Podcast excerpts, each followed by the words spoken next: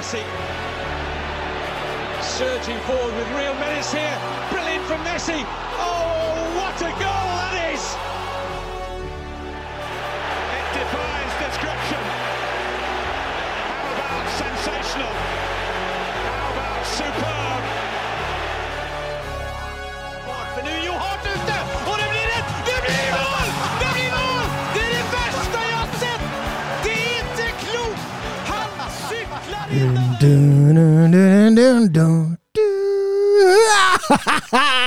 Episode 201 er i anmarsjgutta boys. Med meg som vanlig har jeg eh, Søren Dupker. Hallo, hallo, hallo. Og ikke minst Ma... Nei, det var ikke Mats som sitter der nå. Nei. Nei, nå er det en god, gammel stand-in. Ja. Mats er vel å skyte på noe igjen, så da, da måtte jeg til pers, da. Eh, Faktisk denne gangen så har han eh, A-laget helt alene, så han hadde rett og slett eh, Altså arbeidsmengden på et A-lag i Norge nå som tilhører tredjedivisjon, den er så stor Mm. at du kan ikke Jeg tror han har rekruttlag òg, faktisk. Jeg tror han har nok å gjøre for tida. Ja. Men det er skikkelig kult at han får ansvar i en uh, cupkamp. Bare veldig synd at det ikke blir LSK, altså. Tenk Ja. hvis uh, Mats hadde vært uh, fungerende hovedtrener i cupkamp mot LSK. Det hadde vært skikkelig, det var skikkelig stas. Jeg prøvde å selge meg inn som assistent uh, akkurat da, men det blei KFUM, så da, da har jeg holdt lav profil. men Tor Kjetil Mårdalen, alltid hyggelig å ha deg her. Jo, det er alltid hyggelig å være her også. Jeg setter jo pris på å se, se dere, så Ja, og nå ble du nettopp invitert eh, til eh, 90 minutters eh, Tyskland-tour også, så Ja, det hørtes jo veldig fantastisk ut, da. Med, med lokal guide og greier, så, så det ble jeg gjerne med på. Ah, Søren som guide, altså. Jeg, bare det er verdt turen. ja, Det er sant. Ja, vi får se. Der is det der S-bane. eh, nei, men det er hyggelig. Vi skal kose oss, og vi skal gå gjennom eh, runden i de store topp fem-ligaene, pluss et lite europahjørne. Eh, et par av ligaene avsluttes også, eller har blitt avslutta, Dupker? Ja, det er jo Bundesliga og Premier League som nå er ferdig spilt. Uh, litt synd, egentlig. Uh, kommer til å kommer til å bli litt sånn sommerpause. Det var jo egentlig sånn den deiligste tida nå, når både norsk og internasjonal fotball går litt sånn om hverandre, at du alltid har noe å se på, ikke sant? Mm. Ja, ja. Altså uansett, uansett på hvilken tid i helgene, det går alltid noe kamp. Og det blir litt sånn annerledes nå som ligaene ligaen eh, i Europa begynner å ta pause. Ja, ja. Sånn mars, april, mai. Jeg tror, tror det er mange forhold i de tusende hjem som settes på prøve der av, eh, av fotballfanatisk eh, herre i huset. Ja, det, det spørs. Det, hvis du ikke har gjort jobben din godt nok med å forventningsavklare tidlig i forholdet, så, så sliter du i, i april-mai. Det sa jeg klart ifra, husker jeg, at du vet da, fotball er livet mitt. Det, du kan ikke ta det fra meg engang, men det har jeg heller ikke prøvd. Du har prøvd å, å dele interessen, så det er jo strålende. Det er vel skjedd det samme med deg, Søren? Ja. Ja.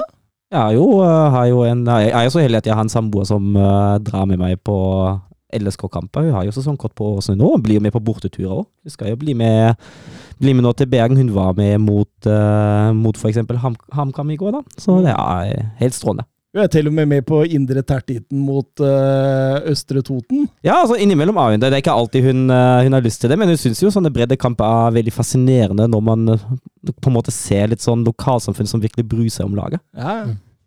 ja, det er helt fantastisk. Helt fantastisk. også. og så kan vi jo benytte anledningen til å fordømme det som skjedde på Oppsal i helga. Hva i alle dager? Altså, hvor, hvor Unnskyld, men drittsekk er du når du ødelegger for frivilligheten? For du ødelegger for folk som har egentlig sin eneste ambisjonen av å gi glede til andre, mm. og så gjør du det deg. Eh, altså, det, det er jo liksom det laveste for lavere. Ja, det var trist å se på. Ja. Men eh, reaksjonen fra fotballfamilien er jo helt enorm. Jeg kjøpte et par virtuelle pølser, faktisk. Jeg gjorde det. Eh, sånne ting må man stå opp imot, rett og slett. Em, vi har hatt, eller vi har avslutta, da, eh, Fantasy-ligaen vår. Den ble vunnet av eh, Erik Heimdal. Eh, podcaster, YouTuber, TikToker og hva er det den mannen ikke er? Ekstrem peil på fotball og en god formidler er han, som, som premie så vil han selvfølgelig få lov å entre studioet vårt, eh, Søren. Det blir veldig morsomt å ha med. Ja, ja. Han, er, eh, han er strålende. En eh, meget bra fyr, så det var, det var en god vinner av uh, Fantasy-ligaen vår. Um, vi har også, før vi gikk på lufta i dag, trukket uh, gavekortet på 1000 kroner fra Fotballshop. Uh, Wow. Ja, du, ble- du ble vitne til den store hendelsen, Ja, jeg kan, øh, jeg kan øh, bekrefte at trekning gikk ærlig og redelig for seg, med tilfeldigheter på spill og, og det som var, så mm. Vi fikk inn en haug av likes og kommentarer på Twitter, eh, Facebook, eh, Instagram og TikTok var vel de plattformene vi brukte. Og så rangerte vi alle fra 1 og til 266. Ja, noe sånt.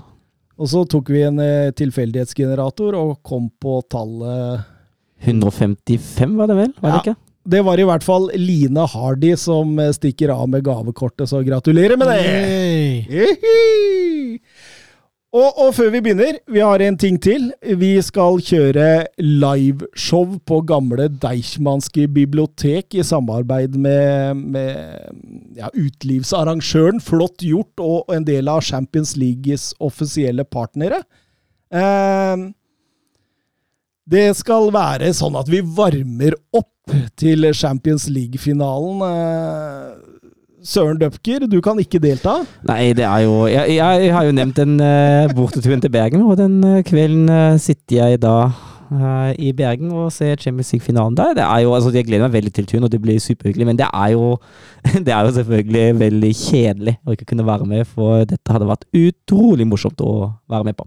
Det er veldig, veldig gøy, og, og det er en stor ære å bli invitert til noe sånt nå. Jeg syns det er helt fantastisk artig. og vi fikk med oss Paul Thomas Clay da, som, eh, som erstatter til Søren, så det Det får vel være innafor det når man først skal ha en erstatter for Søren. Ja, absolutt eh, en eh, strålende ekspert der og der, så det, det gleder vi oss veldig til. Jeg veit det er et gratisarrangement. De har plass til opptil 600 stykker, tror jeg. Mm. Så det er bare å dukke opp på døra der i, i, i seksdraget eller når du vil, og så, så, så blir det det blir DJ, det blir quiz, det blir livepodcast, det blir alt mulig rart der. Selger de øl òg, eller? Eh, det vi, altså, Heineken er én av uh, De involverte parter. Ja, men jeg Ja. tror ikke de får lov å reklamere med det. Nei, nei. Men det er 18-årsgrense, og Heineken er inni der. Da, det høres ut som det er mulighet for å få seg en kall igjen til Champions League-finalen med livepod med 90 minutter først. Da. Jeg er ganske sikker på at Søren Døfke kommer til å få noen fylla-snaps utover. Ja, jeg gleder meg hjem. Nei, men eh, ellers ja, vi har det bra. Sola skinner, eh, sommeren er i anmarsj, og det er vel egentlig bare å kjøre på, er det ikke det? Ja. Yes.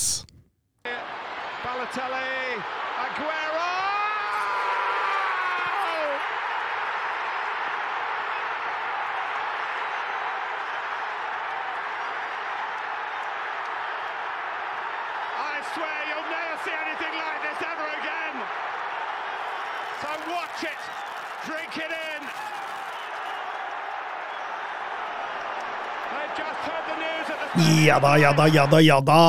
Premier League er avgjort, og, og, og mye var jo egentlig avgjort eh, før eh, helgens runde, men i, i tur og orden skal vi likevel gå litt igjennom. Eh, et reserveprega City taper 1-0 mot eh, Brentford. Det var vel Måtte vel bare skje, egentlig? Ja, det måtte vel bare skje. Jeg tror City lever veldig veldig greit med det der. Eh, fokuset til City er nå på Champions League-finalen mot Inta om to uker.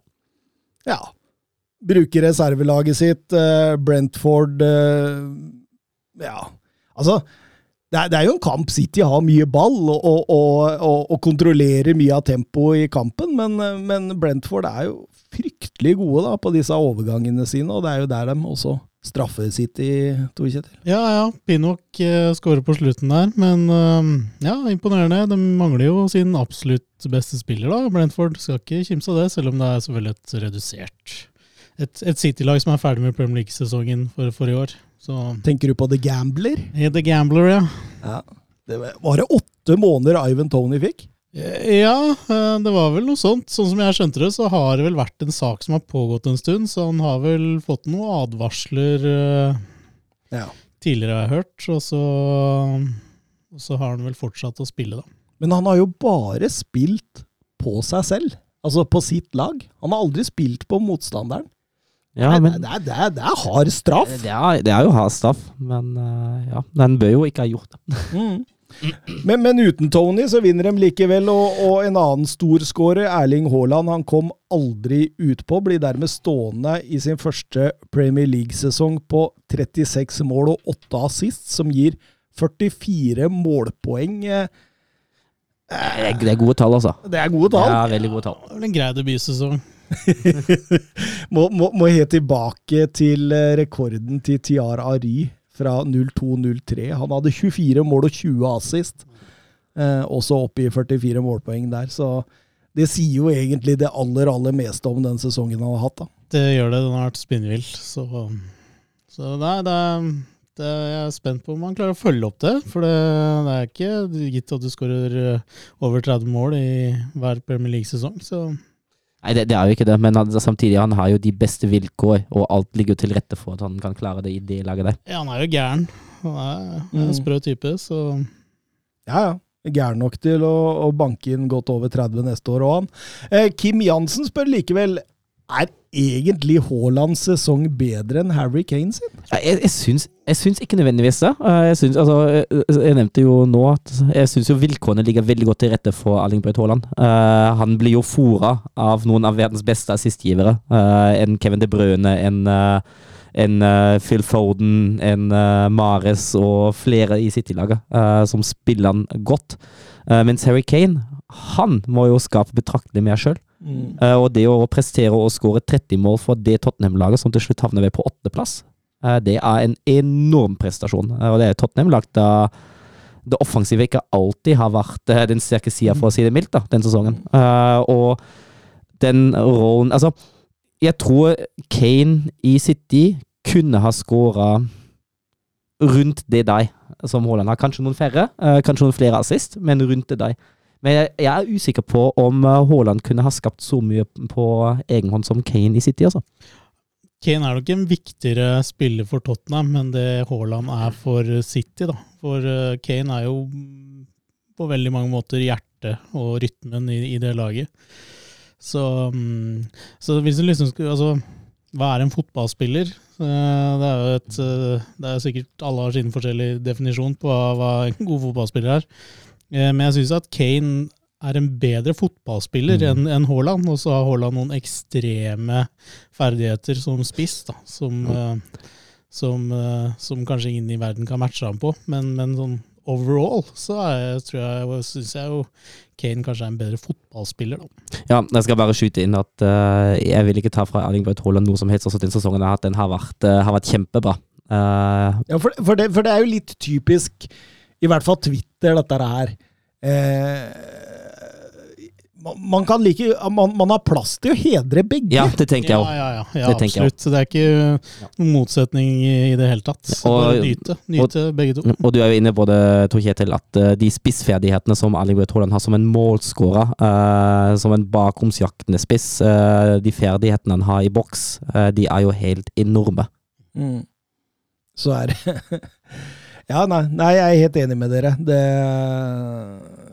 det, det, er vanskelig å, å si sånn fram og tilbake der, men at, at han ender opp med 30 mål, 6 mål bak Haaland i en sesong Tottenham ligger, ender opp på åttendeplass, det, det, det er ikke så mange spisser i verden som hadde klart det i Tottenham, og, og jeg tror heller ikke Haaland hadde klart det tallet der i Tottenham. Så, så, så Eh, nei, det det er ingen tvil om at det er en god prestasjon, men en god prestasjon av begge to, eh, for all del. Man har jo hatt litt andre arbeidsforhold, da. Kane er vel litt konklusjonen man kan trekke, da. Ja. ja. Eh, Arsenal eh, høvla over Wolverhampton i eh, siste kamp. Eh, jeg satt og så på den kampen, og så tenkte jeg eh, Ok, greit. Man har ikke noe å spille for, og jeg forstår det er dette med motivasjonssvingninger osv. når det kommer til Wolverhampton, men, men det, det, det får da være en måte på. De, de møter jo ikke opp engang!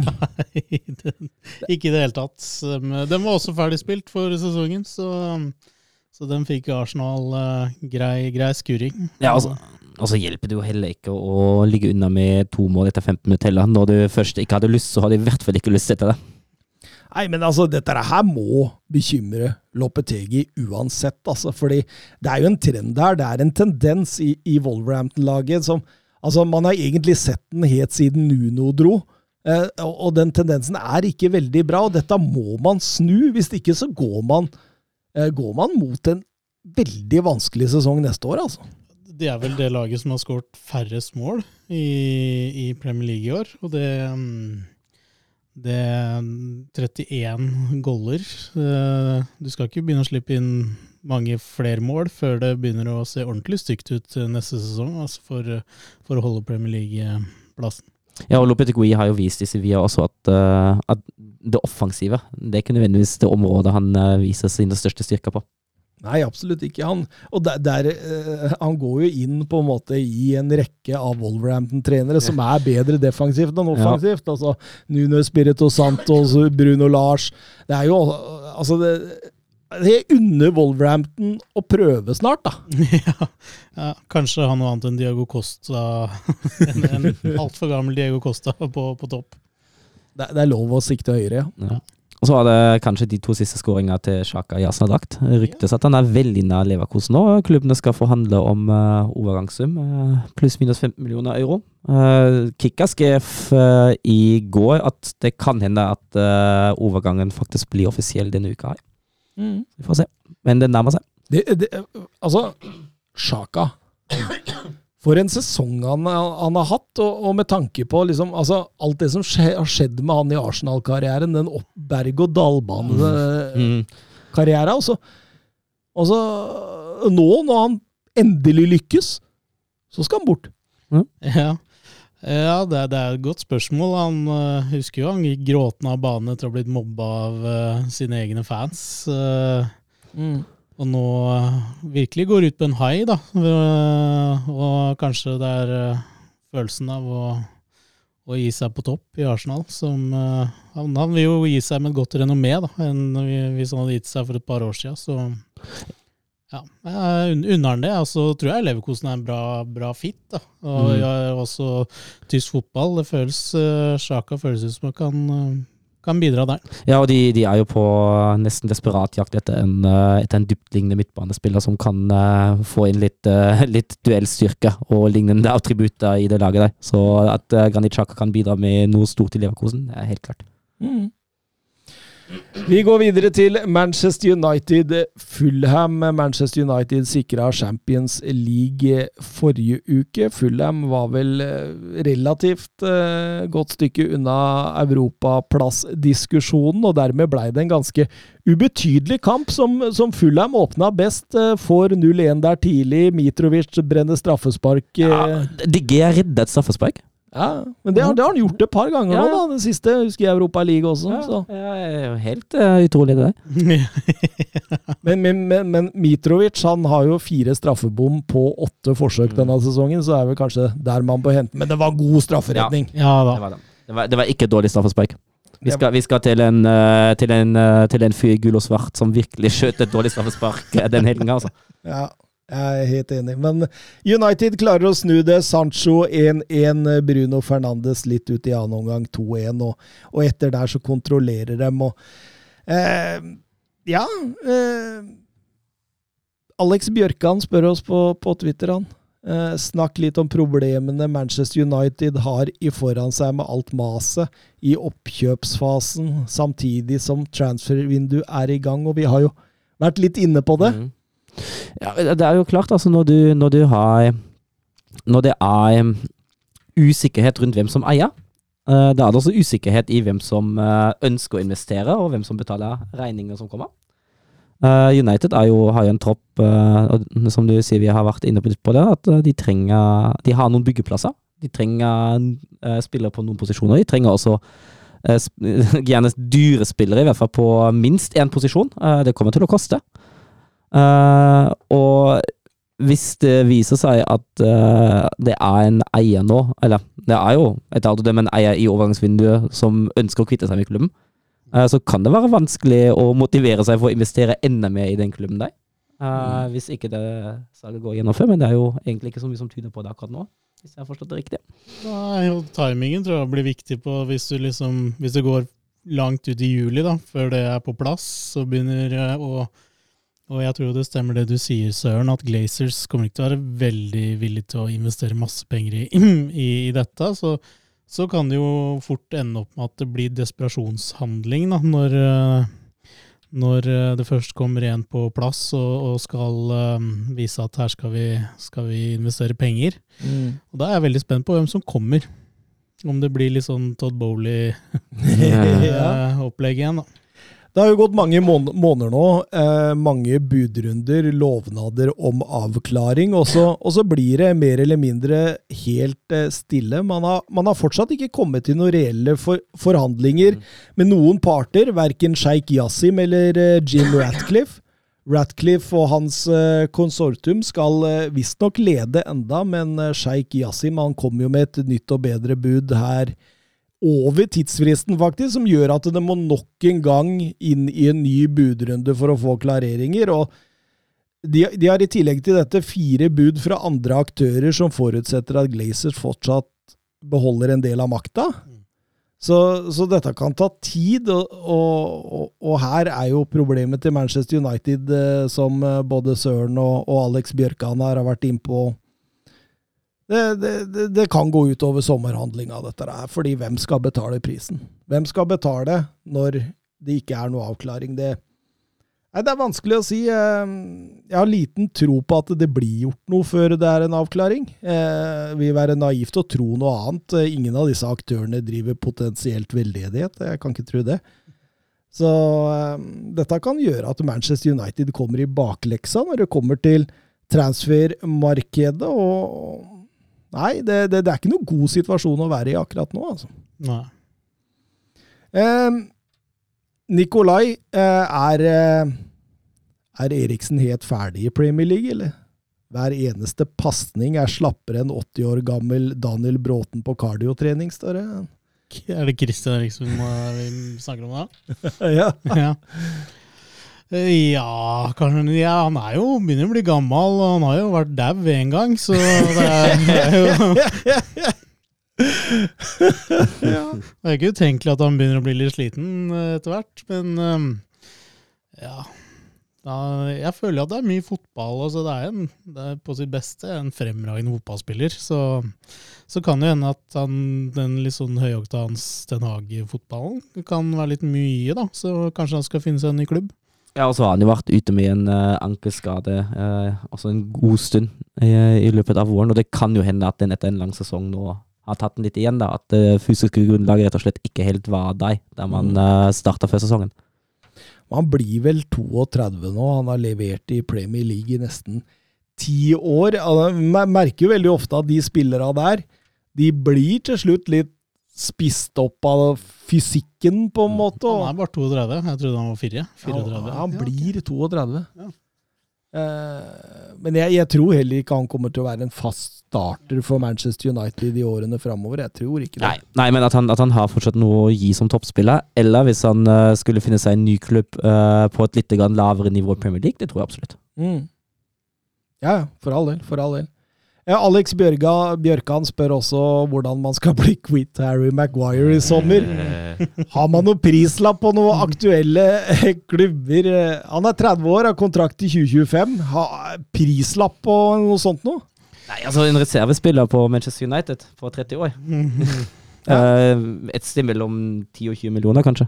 Euro. Jeg tror hun får mer enn ti for den, altså. Ja, jeg tror det. Ja, I hvert fall hvis han går til sånn type sånn Ja, nå var vi jo inne på at Leicester kunne være det ideelle, Mm. men nå, nå røyker jo de rett ned. Men, Ja. men, men, men la oss si for eksempel da, en Westham. ja, for eksempel. Han hadde fort de hadde fort Ja. fått for 20-25. Ja, ja, ja. ja. For- Ja, Innad i Premier League blir det Ja. høye summer, det, det er det ingen tvil om. Men om han kvitter seg med altså, Jeg føler jo at altså, det, det hviler veldig mye på ham, da. Eh, om han uh, ønsker å fullføre kontrakten i United eller ikke. Uh, kan du tenke meg at han sitter på en ganske så god grunnlønn. Mm. Og så er neste problem for United da at han har jo ikke mista plassen sin i det engelske landslaget heller. Av hvilken som helst grunn. Altså, det er bare Gary Southgate som- kan svare på det, tror jeg. Og det kunne jo vært en motivasjon, da. Hvis han mister plassen på landslaget og fortsatt har noe han ønsker å utrette med landslaget, med England, eh, så kan det være en god motivasjon til å bytte klubb og vise at her er jeg. Eh, jeg kan fortsatt levere på godt nivå. Det kommer jo et EM-sluttspill neste år som, som helt sikkert han kan se for seg å spille i, så Ja. mm, ja. Men han, han spiller jo fortsatt, det er jo det som er problemet. Ja. Han har spilt 16 seriekamper for United i år, uh, og likevel fast på det engelske landslaget. Mm. Men burde ikke han gå til Serie A? Ja, det kan briljere. Ta ja. ja. Premier Leagues grave... grave? Men, men har vi ikke lært at hvis- han går til Serie A, så er han ute av det engelske landslaget, da? Ja, det er han sannsynligvis, Ja. men, men tenk å, å, å chill det er for han å ligge baki der da, i et eller annet forsvar i Lazio eller et eller annet sånt. Og, altså, bør ikke tenke på fa- tempoproblemene sine. Nei. Ha bedre tid med ball i beina. Eh, og, og kan spille på styrkene sine, som er duellkraft. Altså, det må jo være helt glimrende for han å flytte til Serie A. Der blir han stjerne. Ja, det blir jo. Ja, det er ikke et dumt, eh, dumt forslag. Samtidig så har ikke United De har en historikk med å, med å ha midtstoppere som uh, ikke spiller, som blir værende i klubben Uh, en god stund. da. Ja. Phil Jones! Jones! Og så kan det jo fortelle at hvis han går til Serie A, at, at det ikke blir 20-25 millioner euro, da. Ja. Ja, da, da, da må de nok litt ned, jeg vil Mm. tro det. Men kan det bli utlåna? Kan det tenkes? For en 30 år gammel. Altså Problemet med sånne utlån er jo igjen altså, det, det er jo det er litt sånn Jeg føler at hvis du først tar et utlån på en sånn eldre spiller som type Lukaku, så er det fordi du ikke har helt råd til å Mm. kjøpe den fast. Uh, ellers er det vel rimelig sjeldent. Mm, Ja, jo.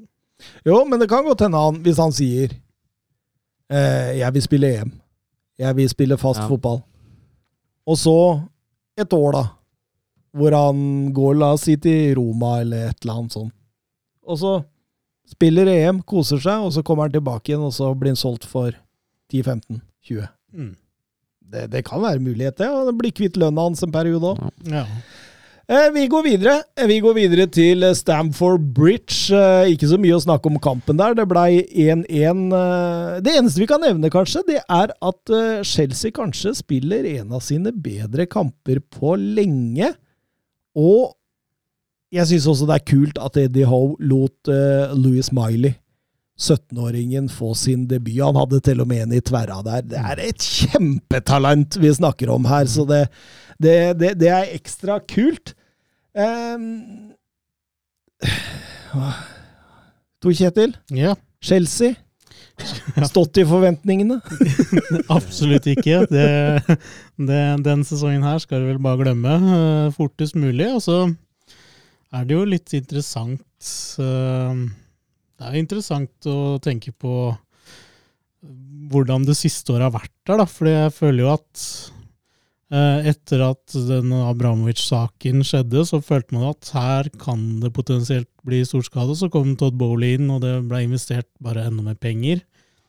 Men eh, det er, jo et, eh, det er jo en skute som, som trenger en kaptein, eh, som kan få dette på, på rett kjøl. Og så, så jeg er jo veldig spent på den situasjonen de med da Pochettino nå. Ja, Eh, kapteinen blei klar i Var det i går? Ja, det var i hvert fall i går jeg hørte om det. Eh, som, som jo er en klassemanager. Mm, vanskelig å se for seg at man kunne fått så mye bedre. Uh, men så er det jo, ja Det er jo um, Det er jo noe med, med den forfatninga Chelsea er i nå, da, som, som det føles litt usikkert. Og så har de jo enormt potensial i den spillertroppen sin.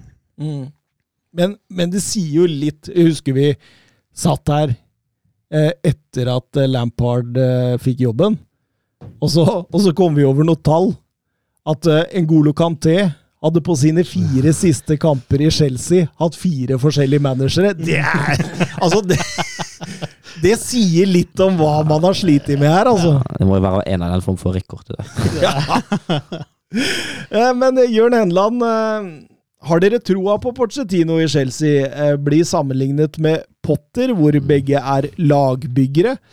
Men er det egentlig så stor sannsynlighet for at han skal få det til bedre enn Potter, når det stadig er Toddebass som sitter på toppen? Jørgen Nystuen lurer også litt på dette med eh, Porcetino. Ja, vi har jo vært bitte litt innom det forrige uke, mener jeg å huske. Uh, og jeg, jeg syns jo uh, Jørn Henland er inne på uh, egentlig essensen der, som blir veldig spennende å se. Fordi ja, Pochettino er også en bygger. Det er noen som eh, Det er ikke noen som kommer inn uh, sånn type uh, Guardiola-type, egentlig det man trodde om Conte i Tottenham, da, og bare fiksa et produkt ganske fort. Eh, men eh, han, bygger, han bygger gjerne stein for stein, Eh, og jeg er helt enig i at det er et stort potensial i den Chelsea-troppen.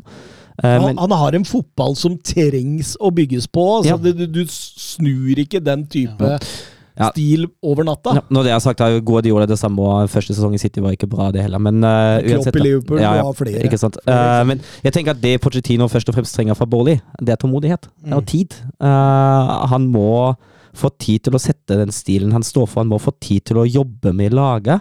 Uh, og da er jo parallellen til Potta definitivt relevant å dra fram. Uh, for Potta er en lignende type trener, og Potta fikk ikke tålmodighet. Potta fikk ikke tid. Eh, og det er litt spennende om uh, Bowley har lært fra den, eller om ikke. Uh, for hvis ikke, er Pochettino det soleklart feile valget. Hvis han har lært, og hvis han er villig til å gi Pochettino den tida han trenger, så kan det bli bra. Mm. En ting vi vet med Pochettino, da, er jo at han er jo ikke veldig fan av å bruke tre bak, så det blir nok en, en firer bak igjen, og, og sannsynligvis i en 4-2-3-1-formasjon. I hvert fall sånn man har kjent igjen Pochettino fra Tottenham og Paris Saint-Germain. Og jeg tror jo i forhold til stall Mm. at han har mange av typene som skal til eh, for å spille den type fotball som han ønsker. Jeg, jeg tror kanskje han trenger en balanserende til. Det spørs litt på Kanté og hvor, hvor, i, hvor, eh, hvor på en måte forfatning han vil bli neste sesong. Han trenger en kreativ type, en sånn type Christian Eriksen-type, Mm. og så trenger han en nier. Hvis han får på plass det der, der, så har han resten egentlig i laget allerede. Og så handler det om å rett og slett kvitte seg med spillere Mm. som han ikke eh, ser behov for. Nei, daukjøtt, liksom. Eller ikke daukjøtt heller. Jeg ser jo Mason Mount er linka til United og alle disse tingene, så, så Men ja. Mason Mount kan være en god Ja, det er det. Det, det. Ikke sant. Så eh, jeg tror denne sommeren skal bli veldig interessant å følge Chelsea. Jeg tror eh, mye av Chelsea-grunnlaget kommer til å legges denne sommeren. Og da tror jeg ikke nødvendigvis det bare handler om spillere inn, men jeg tror det også handler om hvilke spillere som går ut. Mm. Ja, for du ser jo Tiago Silva etter de går ut i Champions League mot Real Madrid, så står han jo på TV og er ganske klar på at den stallen må Den må eh, minskes. At, eh, at det, det sitter spillere på tribunen her som er eh, mer enn gode nok til å spille, egentlig, og at dette gjør noe med på en måte hele balansen og hele rytmen i hele laget. da. Ja, Så det, han har en jobb å gjøre, og, og den første han eh, på en måte sa nei til, det er jo Joao Felix. Eh, Didrik Tofte Nilsen er inne på det. Eh, blir sendt hjem til Madrid av Pochettino. Bør Newcastle være på her? Vil ikke han passe et Newcastle-prosjekt perfekt? Eh, Jo, det kan Det er ikke, det er ikke et dumt forslag, det. jeg føler Sjah Felix er vel et sånn klasseeksempel på hvor viktig den klubben du velger etter at du slår igjennom er, eh, og den manageren du da skal jobbe med. Eh, jeg ser jo Jeg klarer ikke å se for meg han gå tilbake til Atletico Madrid og spille der neste sesong, og da det er vel kanskje Newcastle eh, et, eh, et fint toppsted, det. Ja, jeg tenker også det er sånn cirka den hulen eh, Newcastle kan uh, se etter spillere nå, altså. Med tanke på Champions League, og jeg er jo helt enig i det Didrik Tofte Nilsen sier, at jeg føler at uh, Joe Felix hadde passet veldig, veldig godt inn i det Newcastle-laget. Det er jo en eh, Til tross for litt manglende sluttprodukt i Chelsea, er jo, han har jo vist at han er en uh, glimrende fotballspiller som kan hevde seg godt i Premier League. Altså, Joao Felix han blir topp ti i verden han, om en eh, manager klarer å, å, å, å gå inn og justere sluttproduktet her. Eh, da, da har man topp ti i, i verden omtrent, fordi eh, potensialet hans er så enormt stort. Eh, og Newcastle, ja, hvorfor ikke? Kanskje vi skal sette ut ryktet, vi. Ja, ja, Det kommer til å komme, skjønner du. ja, ja, men det Kan vi si at 90 minutter gjør det først? Ifølge våre kilder så er Joao Felix på vei til Newcastle. Bare innen, innen 15. juli så har han blitt presentert med Newcastle-drakt. Nei, det er spennende i hvert fall. Eh, Southampton-Liverpool 4-4. Liverpool uten Champions League. Ja. Åssen ser du framtida nå? Tror, tror du dette blir en ny byggeplass, eller? Det blir en ny byggeplass, og det trengs. Ehm, Jeg tror ikke Liverpool er tittelutfordrer neste sesong heller, skal jeg være helt eh, dønn ærlig. Jeg, jeg håper jo selvfølgelig det, men, eh, som Liverpool-fan, men, men jeg, jeg tror ikke det. Det er mange brikker som skal på plass, og det er sentrale brikker, og det Sånn mitt liksom, inntrykk er at man ikke kjøper, man kommer ikke til å kjøpe noe spillere som er ferdige og klare. Uh, å de trenger tid. Uh, og da, da, da, må man, da må man gi de tid, da. Og da, da tror jeg Liverpool skal være fornøyd om neste sesong også ender i en Champions League-plass.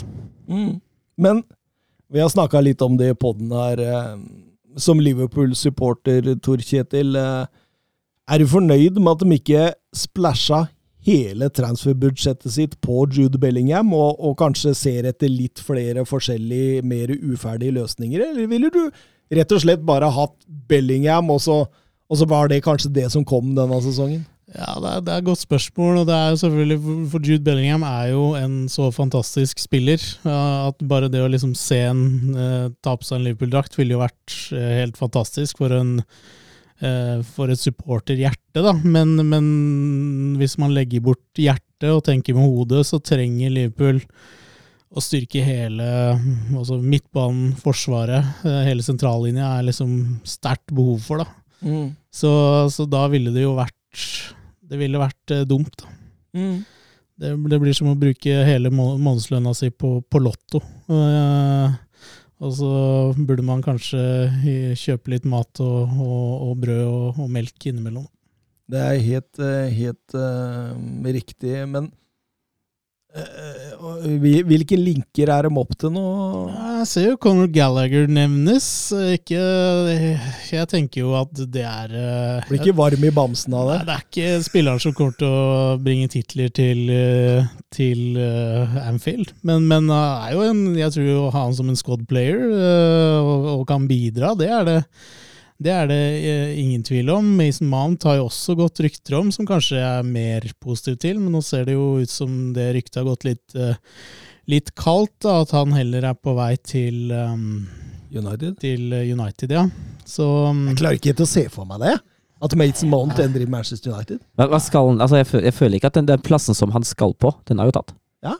Og, Altså, hvor er, hvor er det han skal spille i Ja. Manchester United? da? Nei, det Jeg, sier det. Jeg, jeg, jeg ser ikke at man skal bruke en 80-90 millioner på det der. nei, man trenger jo kanskje andre posisjoner først. Nei, det er jeg enig i. Liverpool har kanskje større behov for den.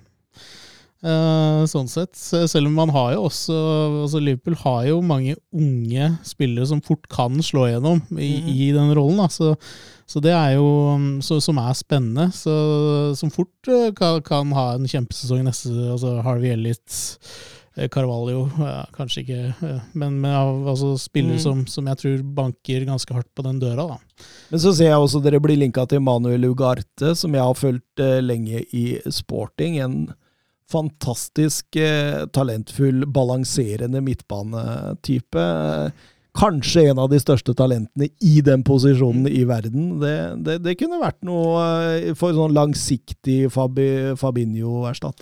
Ja, ja, Fabinho er jo der neste sesong. Nå har ikke Fabinho hatt noen toppsesong, men det er ingen andre som har hatt det heller, egentlig. Men eh, det, jeg tror i hvert fall det å, å, å i de posisjonene hvor man har eh, alternativer, tenke ungt som f.eks. Ugarte, da. Eh, det tror jeg kan, eh, kan være en, en strategi. Og så er det jo det er jo en som skal inn som konsulent her, eh, som skal bidra i sommer. Så, så, så jeg er jo veldig spent på, på hvordan det blir, da.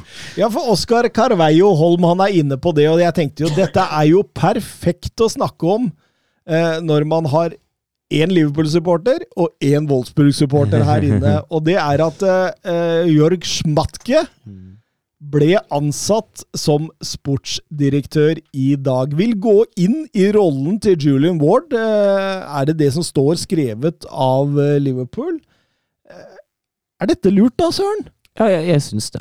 Eh, Du var positiv sist. Ja, uh, fordi jeg mener at i den rollen som han skal ha i Liverpool, uh, så får man fram styrkene hans, samtidig som svakhetene fanges litt opp, da. Fordi han er Altså, det er en erfaren mann. Eh, det er en mann som har bygga flere klubber, eh, som har fått flere klubber Alle klubbene har vært i, har fått oss folk til Europa, og det er ikke, det er ikke bare bare når du har jobba i Alemania Arno og nå fra 96 og Erste FC Köln, altså. Um, men så har jo problemet ofte vært at det ikke har holdt seg. At det gikk veldig fort nedover igjen. At han er litt sånn en type som krangler gjerne med trenere. Litt, så skal være litt sånn vanskelig sjef. Uh, I Wolfsburg var det frustrerende at han var uh, altså Fint at han var sparsommelig, men når det, når det står mellom én million eller ikke, så sånn, liksom den Levi Den, der sikkert som du sliter litt med Levi òg, Thomas. At uh, kan man ikke bare bli enig, istedenfor at man er litt sånn overforsiktig på overgangsmarkedet. Uh, men uh, alt det der føler jeg spiller ingen rolle i hans, eh, i hans rolle nå i Liverpool. Eh, så Liverpool kommer til å nytte veldig godt av det nettverket han har. Det er, en mann som har jobbet i fotball hele livet sitt. Som har et stort nettverk fra de forskjellige sportssjefrollene, sportsdirektørrollene han har hatt. Uh, samtidig som at det er, det er klart, altså du, du kaller det for konsulent, og er det sånn den rollen han skal ha, da? Ja. Um, for det er klart at altså det, det er Klopp som Han skal støtte Klopp. Mm. Det er ikke at han skal bli Klopps sjef, han, skal, han er der for å støtte Klopp og hjelpe Klopp. Klopp var veldig klar på i intervjuet etter eh, Aston Villa at det var ikke noe Klopp-signing, dette her. Det var ikke han som hadde bedt om det. Nei, men de, de kjenner hverandre fra før, Uh, og det, det er to fyrer som respekterer hverandre ganske godt. da. Uh, så jeg, jeg mener at det, altså, Liverpool kommer til å, til å nyte godt av det Jørg er god på, samtidig som de ikke kommer til å ha et problem med det Jørg ikke er god på. Ja. Nei, altså Fyren er jo åpenbart kvalifisert. Det, det som jeg sliter litt med, er liksom ordningen. Jeg får litt sånn Ralf Ragnhild-følelse av det hele. da, At her skal komme inn tre måneder nå. Um, så, så, så, ja. Og det kan jo for så vidt også være bra at de får sett hvordan samarbeidet seg imellom fungerer, men uh, Virker jo som en audition. ja, det er det. Jeg, jeg får liksom følelse av at uh, her er det en som er på prøve, og så uh, kan jo Kat Hvis han ikke fungerer disse tre månedene, som de skal finne ut om han fungerer, så, så er det jo en ny katastrofesesong for Liverpool. Men jeg føler også at det har sikkert også veldig mye å gjøre med at de forventer et ekstremt arbeidspådrag nå. Eh, du sier jo det. Uh, du sier jo at nå kommer det, det er en byggeplass til deg, uh, og det er jo det det er. Og det ser det ut som at klubben sjøl også har innsett. Mm. At man da henter seg inn en fyr som er så godt connecta, som har så mye erfaring i den rollen der, for et begrenset tidsrom, det er jo egentlig ganske smart. Offisielle uttalelser fra Liverpool sier at han skal jobbe tett med Dave Fallows og Barry Hunter. Begge disse jobber jo med rekruttering, så det er jo åpenbart først og fremst overganger han skal uh, jobbe med. Og Nei, det blir eh, spennende å se. Det, det, det Jeg er litt enig med Tor Kjetil. Det jeg sliter litt med, det er, det er, det er ordningen. Fordi hvordan skal man på en måte eh, godkjenne eller kaste en sportsdirektør på tre til seks måneder? Ja, men det, det kan faktisk hende at han sjøl har bedt om det. Uh, det er jo en fyr som har trukket seg fra Wolfsburg fordi han hadde lyst til å pensjonere seg og bruke mer tid med familien. Ja. Det kan hende at det, er, at det er hans eget ønske at han sier kan hjelpe til det overgangsvinduet. Og så, det, kan, altså det kan like så godt være en audition for Liverpool til ham, om det passer for ham. Jeg skulle kanskje ønske meg litt mer langsiktighet, men det blir jo spennende å se da om, eh, om han kan tilføre verdi i den troppen. Mm. Vi går videre til Aston Villa mot Brighton. Aston Villa vinner 2-1 og sikrer seg Conference League! Hei! Brighton hadde allerede sikra Europa League, og, og, og eh, det betyr at det er to lag som ja, Villa som slet tidligere i sesongen, Brighton som mista treneren sin midt i sesongen. Begge får Europa. Det, det er imponerende på hver sin måte. og ja, det var, det var mye god fotball på Villa Park den søndagen. altså Det var to gode fotballag. Ja, blitt eh, Det er to managere som har gjort en veldig god jobb med de lagene de har tatt over eh, i løpet av sesongen. Eh, så mm, så det skal bli også spennende, spennende hvordan, hvordan de kommer til å utlyse seg gjennom sommeren. Eh, um, og så skal det jo bli Det blir fort en tittel på, på Villa, en europatittel, når, eh, når Una Emry får lov til å, å, å dra med sine tropper nedover i Europa. De vinner Conference League, det er ingen tvil om, i hvert fall. Men uh, Bjørn Erik Skorge spør eh, tanker rundt ryktene om Ascensio til Aston Villa. Er det en bra signering? Jeg, jeg tenkte umiddelbart eh, da jeg leste, leste det, at det, det, det høres jo ikke dumt ut, det. Jeg tipper at Una Emry kan få, få ut mye bra og og, og i Birmingham så kan de sette pris på, pris på vinger av den typen der. Altså, jeg tenker altså, jeg er helt enig med deg. Jeg tenker at dette er en signering som styrker dem både i tropp og bredde. Uh, forutsetning er jo, vi snakket litt om det med Casemiro for et år siden, at han uh, ikke går fra Madrid til uh, Birmingham med den innstillinga nå. Ja, det er kaldt, men jeg tjener litt gode penger, så jeg kan, jeg kan spille her i et par år, så ser vi hva som skjer. Så lenge han fortsatt er sulten, etter å ha egentlig vunnet alt man kan vinne med Real Madrid, så er dette en veldig sterk signering. Ingen eh, tvil om det. Jeg syns han har spilt andre- og tredjefiolin altfor lenge i Real Madrid nå. Det er en meget god spiller med et fantastisk tilslag, så det jeg, Få han gratis fra Real Mm. Madrid, det, det høres ut som god klubbdrift for meg i mine ører. Um, vi må ta litt uh, om nedrykksduellen også. Leeds rykket ned etter 1-4-tap mot uh, Tottenham. Ja, og da så var det jo Så det jo tidlig eh, hvilken vei vei det kom til å gå. Uh, det var jo uh, relativt uh, klart at det ikke kom til å holde for Leeds. Uh, sto vel til slutt mest mellom Leicester og Everton. Det, det gjorde jo det, fordi altså På grunn av starten, Tottenham full kontroll, de så at de andre, andre laga var i ferd med å vinne. Det, det, det var en sånn spesiell stemning på Ellen Road den dagen der. Ja, ja det er jo klart. Den historikken Leeds har med, med nedrykk, øh, den, øh, hva den byen har, euforien som var det, da de rykka opp, og, og, og hvordan det på en måte har snudd på, på et par sesonger. da. Så, så jeg kan jo skjønne at det er en klubb som, som kanskje har og, og en supporterskare som har litt sterke følelser knytta til det rykkende. rykke ned. Ekstremt kult, forresten, at Lucas Mora fikk avslutte sånn han gjorde. Ja, Det er skikkelig kult. Det har- han fortjent seg. Ja, det var en fantastisk soloprestasjon der, eh, og, og, og liksom med sitt siste spark på ballen i Tottenham-karriera. Altså, altså Koselig å se at hele laget Ja. kommer for å juble med ham, og jeg syns det er skikkelig stas. Så at de unna dette unna dem, men øh, ja, det var, det, var, det var et morsomt øh, øyeblikk, faktisk. Det var det. Fra før hadde Harry Kane skåret to, selvfølgelig, og Pedro Porro Pedro Porro, som bare egentlig ser bedre og bedre ut i, i Tottenham-trøya. Eh, Oscar Pepito spør hvor stort blow er det for Spurs at Arne Slott blir i Feinor? Managerjakten etter Mourinho blei en fadese. Frykter man en ny slik? Og jeg, jeg hadde jo nesten forberedt meg på at det ble Arne Slott. Eh, så sier Arne Slott sjøl at det har ikke vært kontakt mellom klubbene engang. Og, og, og eh, ja, det, jeg, jeg, jeg, da, da, da skjønner man jo hvor mye rør det er i, eh, i alle disse rykter og alle disse rapporter, men, men jeg får ikke sagt det nok, altså. De stadige Brendan Rogers-ryktene, de skremmer meg Mm. voldsomt. De, de, de gjør det. Julian Nagelsmann og Roberto Di Serbi skal fortsatt være i miksen. Eh, Men, men jeg tenker jo, sesongen ble, var ferdig på søndag.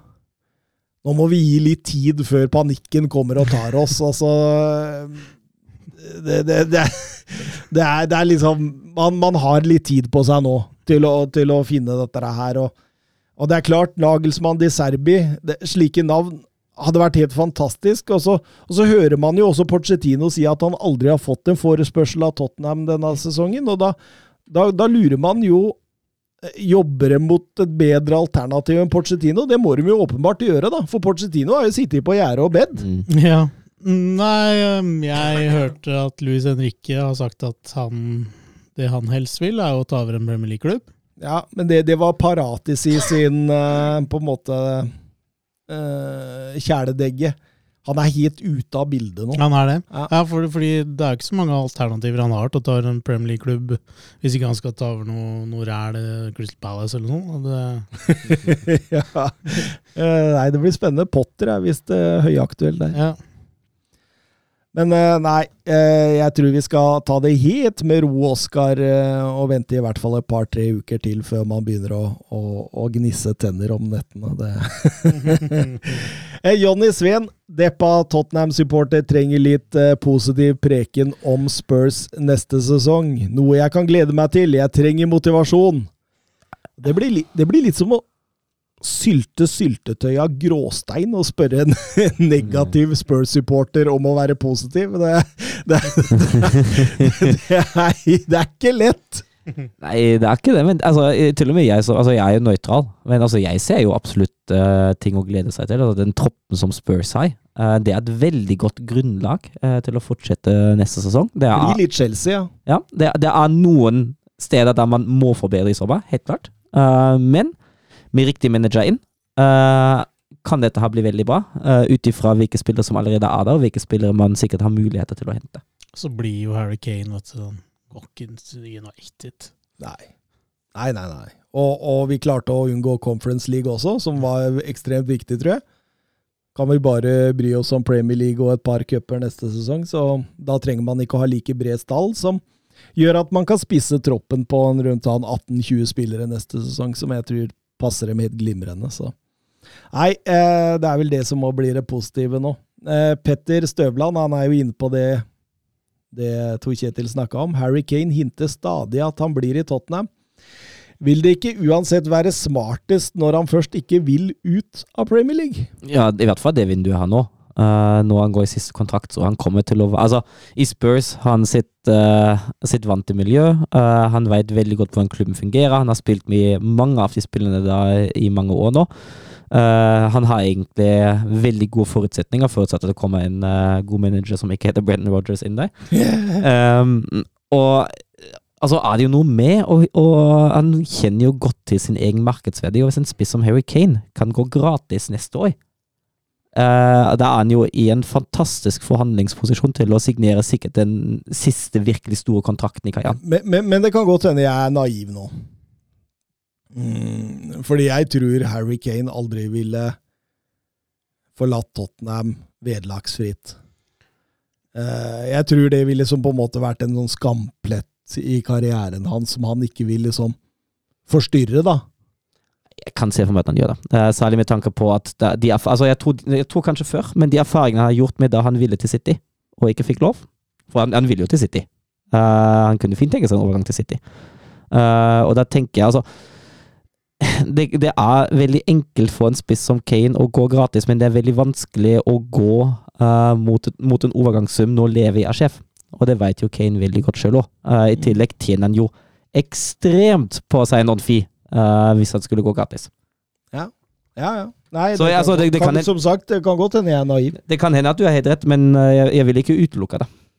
Nei, man er jo selvfølgelig livredd. Og så altså, altså skal det jo sies det, altså, jeg, altså, jeg tror kanskje også at Harry Kane føler at han Altså, han er jo glad i Tottenham, helt åpenbart, Uh, men jeg tror ikke han føler det som en skamplett å gå gratis med tanke på hvor mye han har levert for klubben heller. Nei, men hva Kane føler, det tror jeg ikke er så viktig. Det er vel mer hva ettermælet hans blir. Ja, for det, det, det, det har jo gått folk fra Nord-London til, til Manchester United før, og, og, og bare Og mista en del av Ja, han, statusen, ja. han kan sitte igjen med, med noe han kan, altså han, kan, han kan lage seg en, et navn da, for evigheten ved å bli i Tottenham. Det kan han ikke ved å gå til United. Nei, han klarer ikke det, vet du. Det, det, det vil bli et eller annet der, og det Jeg veit ikke om han er villig til å ofre det. Jeg er litt usikker. Eh, Levi har lova han eh, på sokkel utafor stadion om han eh, fortsetter. Det, er- det, er- det er sånne ting tror jeg kan bety mye for han. Mm. Han er veldig opptatt av den der 260-grensa til Shearer. Mm. Eh, Det, det får han til i Tottenham òg. Ja, ja. Det han Men sam samtidig, hvis han nå går i et år uten Altså Hvis han vet at den er gratis om et år, så har han jo veldig god tid til å tenke på det nå. da. Ja. Altså, Det er jo egentlig helt- det er helt perfekt for ham, da. mye avhengig av hva som skjer med, Ja, altså kan med han, Tottenham i sommer. ja, og Da kan du jo se utviklinga òg, ikke sant. Altså, hvis, hvis det kommer inn en Brendan Rogers og han ser at uh, dette her går ingen vei, uh, så kan han fint si at uh, dette her gidder jeg ikke å være med på lenger. Uh, Hvis det kommer inn en Nagelsmann eller en Di Serbi uh, som virkelig starter et prosjekt, uh, har han, en god manager og ser at det går en vei, da. Mm. Ja, det kommer Brennan Rogers, så kan han gå til Levi og så kan han si at enten så selger du meg nå, og så får du penger for meg, Mm. eller så eh, går jeg gratis uh, til sommeren. Mm. Og da vil nok i hvert fall hos mange Tottenham-supportere Ok, han sa i hvert fall ifra. Mm. Ja. Tottenham tok det valget. Nei, det er vanskelig. Eh, Adrian Tømmernes spør om Kulisevski kan returnere til Juventus, og hva det tenkes om det. Fordi han var på et 18 måneders eh, lån med opsjon. Eh, vilkårene til opsjonen ble ikke oppfylt når Tottenham ikke kvalifiserte seg til Champions League. Og dermed må trolig eh, forhandlingen skje på nytt. Eh, for å kunne få i land en avtale. Kulisevski sa etter Leeds-kampen at han ante ikke hva som kom til å skje. Eh, men, men samtidig vil han gjerne bli. Og, og nå ser det ut som klubbene er enige om 25 millioner euro, som vil jo være en strålende signering i så fall, tenker jeg. Ja, det er helt fin signering, da. Jeg tror i hvert fall ikke Juventus er en klubb å gå tilbake til for han.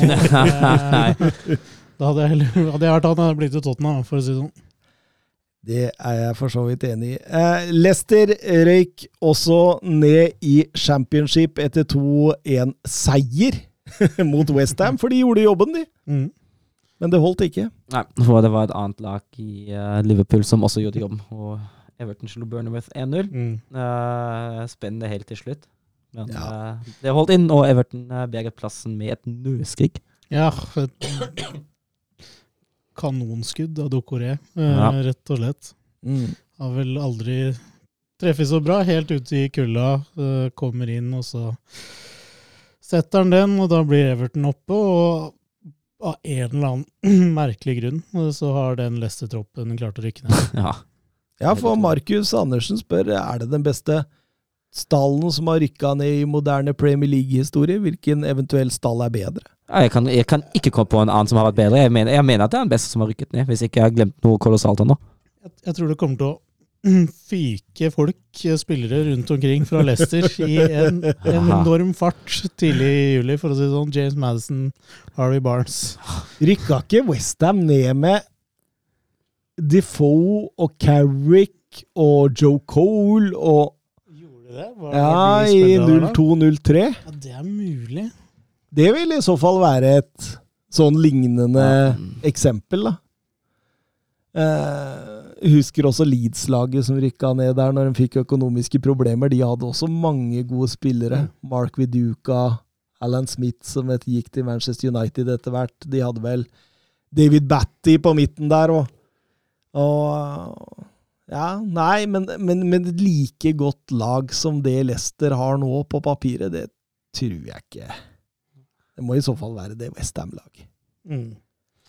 Michael Carrick var i Westham 02-03. Ja. David James. David James Nigel var- Winterburn.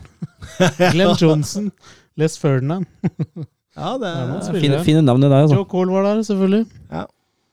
Titi Kamara. Mye, mye Er du imponert over hukommelsen min? Eller? Ja, det, må jeg si. Må alltid feire et Westham-nedrykk. Nei, det er bare, bare tuller, bare tuller. Um, Eivind Stølen. Kanskje ikke så overraskende at Sean Dyesh klarer å berge plassen med enda et lag, men eh, hva kan han gjøre for å ta Everton tilbake til øvre sjikt i Premier League? Innføre flere beep-tester? si opp jobben sin. Eh, Det er, jo, det er jo en trener som har et soleklart tak. Eh, Vi har snakka en del om trenere som har et tak, og Sean Dijk er i den kategorien der. Eh, og det taket altså, det taket ligger ikke på øvre halvdel. Du stanger i det taket når du reiser deg. Ja, faktisk. Så nei, jeg ser ikke helt at uh, Sean Dijk er mannen til å ta Everton tilbake til gamle høyda. Nei, men samtidig noen sesonger midt på tabellen i sånne, sånne trygge sesonger hvor man får utvikla litt fred og ro og kanskje få økonomien på plass før de flytter inn i denne storstuen på Bramley Moor Dock. Det kan jo kanskje være bare sunt? Ja, ja jeg tror Everton har eh, egentlig større problemer enn manageren akkurat nå. da. Det virker, det virker jo som det er ekstremt dårlig stemning. og et styre som, eh, som de kan jo knapt vise seg eh, på stadion. Eh, For da, da kan det gå riktig ille. Så, så, så det, det virker som en klubb Altså, Everton hvis jeg, skulle samle, så jeg får litt sånn følelse av Lillestrøm ja, før de rykka ned. Det er litt samme med Everton. Det er mye uh, Grums! det er mye grums, ja. Som, som liksom De har gått av liksom nullstille, da. Mm. Daniel Ødegaard, Premier Leagues overraskelse og skuffelse. Eh, Sier dere noe annet enn Chelsea, så ja, det er, ja, ja, Chelsea er på første, men Leicester kommer faen meg ikke langt etter. Altså. Eh, Og og, når Søren Dupke banner, da, da mener han det. og overraskelse, det, det må gå til Brighton, selv om Newcastle er en C-kandidat. i år. Ja. Godt oppsummert for min del òg. Ja. Fredrik Konradsen, lag en elver pluss benk med spillere fra de tre lagene som har rykket ned fra Premier League, og som bør være aktuelle for andre lag nå. Ja, det er jo en, eh, det er jo en morsom øvelse. Uh, ja. Eh, Det er det. Bare huske hvem Altså, det er jo som Leeds har jo Ja, eh, bare top of mind Jack Harrison, Uh, Tyler Adams skal vel fort uh, finne seg en ny klubb. At uh, Men, men hvis vi skal lage en elver, ja, så, elver, ja. Vi skal så, elver, ja. Vi skal ikke bare nevne en haug av navn. Nei, vi skal, vi, vi skal Vi skal starte på keeperen. Så vi vi starter på keeperplass, ja. Ja, det må jo være Mislie, da. Ja, eller Basunu. Ja, Basunu er på benken. Ja. Ja. Det er for så vidt greit, det. Høyrebekka. Uh, da har jeg uh, Livramento, for jeg skjøvet et over på venstre. Ja, ok. Jeg Ja. har Kyle Walker Peters der. Ja, det er greit nok, det òg. Ja, det er, tror jeg hever meg på Kyle Walker Peters. Ja. Mm. Venstrebekk uh. Kastan. Kastan, ja. Ja. Ja, det er for så vidt greit. Jeg har Luke Thomas der, men uh, Ja, ja. syns han ser bra ut. Eh, Stoppere. Uh, jeg glemte én, i hvert fall. Så jeg nå på laget mitt. Uh, Bella Kotschap er den ene. Ja. Ja, han er soleklar. det er Stort Ja. talent. Uh, det er jo kanskje derfor også man har rykket ned med disse laga, for man har ikke noen sånne kjempebra stoppere, syns jeg, Mm. annet enn en Bella Kotschap. Jeg, altså, kanskje en Robin Koch kanskje Ja. forlater Ja. hvert. Jeg etter ser ikke for meg at han spiller championship Nei. eh, neste sesong. Gjør ikke det, altså. Høyrekant. Mm. Jeg, jeg har faktisk tatt en eh, Jeg har faktisk tatt en eh, diamant, jeg. Med fire sentrale. Er det lov? Ja, ja, kjør, kjør på. Jeg har en Didi som dyptliggende. Og så har jeg uh, Tielemann som Ward Pro som indreløpende. Og uh, Medicine som uh, kreativ. Vanskelig å være tre av dem, er i hvert fall, men jeg syns det er vanskelig å unngå å nevne Harvey Barnes. Ja, han er på eksempel, han er på topp, ja. Ja, for, for, for Harvey Barnes, men ikke minst også Sulemana, som Ja. herja til dels med Liverpool i helga. Mm. ja. Eh, mye bra venstrekanter der. Det, jeg vil også ha egentlig Carlos Arcaraz. Eh, Syns jeg også er en strålende fotballspiller som, Mm. Som sannsynligvis må gå, om vi kan plassere den på benk. Så det, det er for så vidt greit, det. Angrep eh, Hvem er du der, da? Nei, Harvey Barnes er jo den ene. Når jeg ikke tar han med på midtbanen, må jo Harvey, Harvey Barnes må jo med på det laget her. ja, takk. Det er, det er Sørens plukk og miks, dette laget. her, altså. det, det er det. Uh, andre spissen da? litt vanskelig. Det er vanskelig. Altså, du, du, har jo, du, kan jo, du kan jo mikse litt med, med folk som, eh, som Aronsen og Summerville, for all del. Uh, Georgino Rutta er jo et stort stort talent. Men- Eh, jeg, jeg har valgt ham, selv om han ikke har Han har jo ikke prestert uh, voldsomt godt det halve året i Premier League nå, men Vi kan kjøre Brennan Aronsen, vet du, så, Ja. så, så kjører vi uten spisser, sånn som, eh, Eh, sånn som eh. Per- Per-Mathias Høgmo gjorde. Ja. Ja, Sånn som Che Adams kan jo fort liksom være en backup-spiller på et nedre, Ja. nedre Det er mye kvaliteter i han. Mye Ja. power, mye, mye hurtighet. Ja, Mm. til luten der, eller? Ja, ja. Nei, men vi har vel nevnt de mest aktuelle spillere, tror du ikke det? ja, jeg syns det.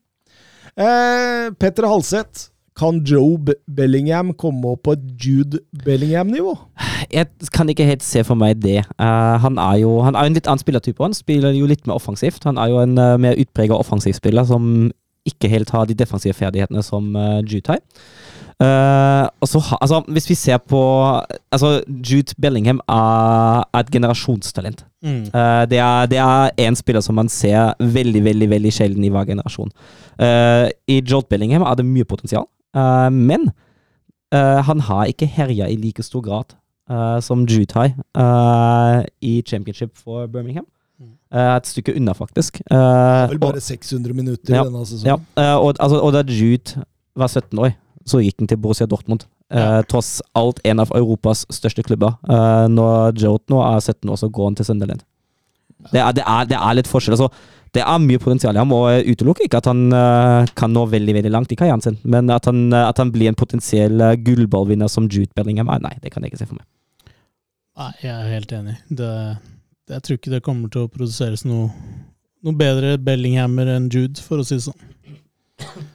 Trenger mer fysikk. Jeg synes han, altså Det er det som skiller dem aller, aller mest. Det er den fysikken. Uh, så det, det kan jo komme. Nei, det blir spennende å se. Skal vi gå over til La Liga? Ja cap a la dreta per Xavi, assistència de Xavi més cap a la dreta per Messi, Messi, Messi, Messi, Messi, Messi, Messi, Messi, immens Messi, encara Messi, encara Messi, encara Messi, encara Messi, encara Messi, encara Messi, encara Messi, encara Messi, encara Messi, encara Messi, encara Messi, encara Messi, gol, gol, gol, gol, gol, gol, gol, gol, gol, gol, gol, gol, gol, gol, gol,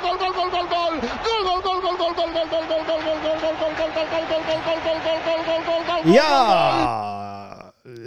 Det er mye, mye avgjort i, i Barcelona i eh, toppen. Eh, fortsatt eh, enorm dramatikk i bunnen. Vi kan begynne ovenfra og ned. Barcelona vinner 3-0 enkelt mot Mallorca. Det var jo Altså, det var jo fullstendig enveiskjøring. Og når Mallorca også får et tidlig rødt kort der, det er vel en Daie der som takler Balde stygt, så, så, så, så er det jo det er jo enveiskjøring hele veien. det kunne blitt enda flere mål. Altså, Mallorca kunne jeg ha klaga på om det blir fire, fem, seks i den kampen. der, Altså. Ja, vel, hvor mange, hvor mange tverrligger og står på treff endte opp med til slutt? Var det to eller tre?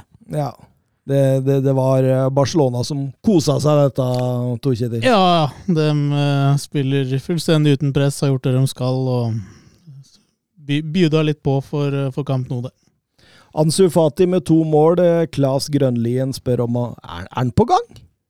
Altså, det hadde vært gøy. Uh, han, ser jo, han ser jo bedre ut nå. Uh, og vi har jo snakka litt om at han har vært litt sånn krampeaktig og nesten har nesten desperat prøvd å få til ting uh, på fotballbanen. I hvert fall har det sett sånn ut i en periode. og når det nå løsner litt, selv om det er den siste kamp for sesongen, så kan det hjelpe veldig veldig mye på det mentale. Altså at Vi vet jo alle at han er en ekstremt god fotballspiller, men jeg tror det har, har sittet en del mentalt på ham. altså.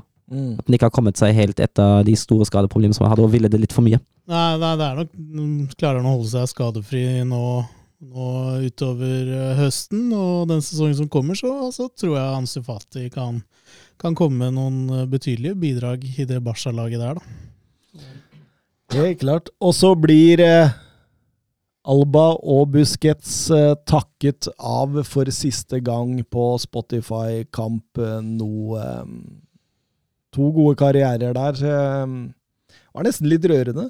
Ja, det er vemodig, for det er jo Jeg føler jo det er liksom de siste punktumma da, for den eh, Barca, det Barca-laget som vi, vi ble liksom forelska i. Eh, så, eh, så det, er, det er rørende. Det er to, to spillere som har eh, bidratt for Barca, og ikke minst for, for oss som, som liker fotball. da.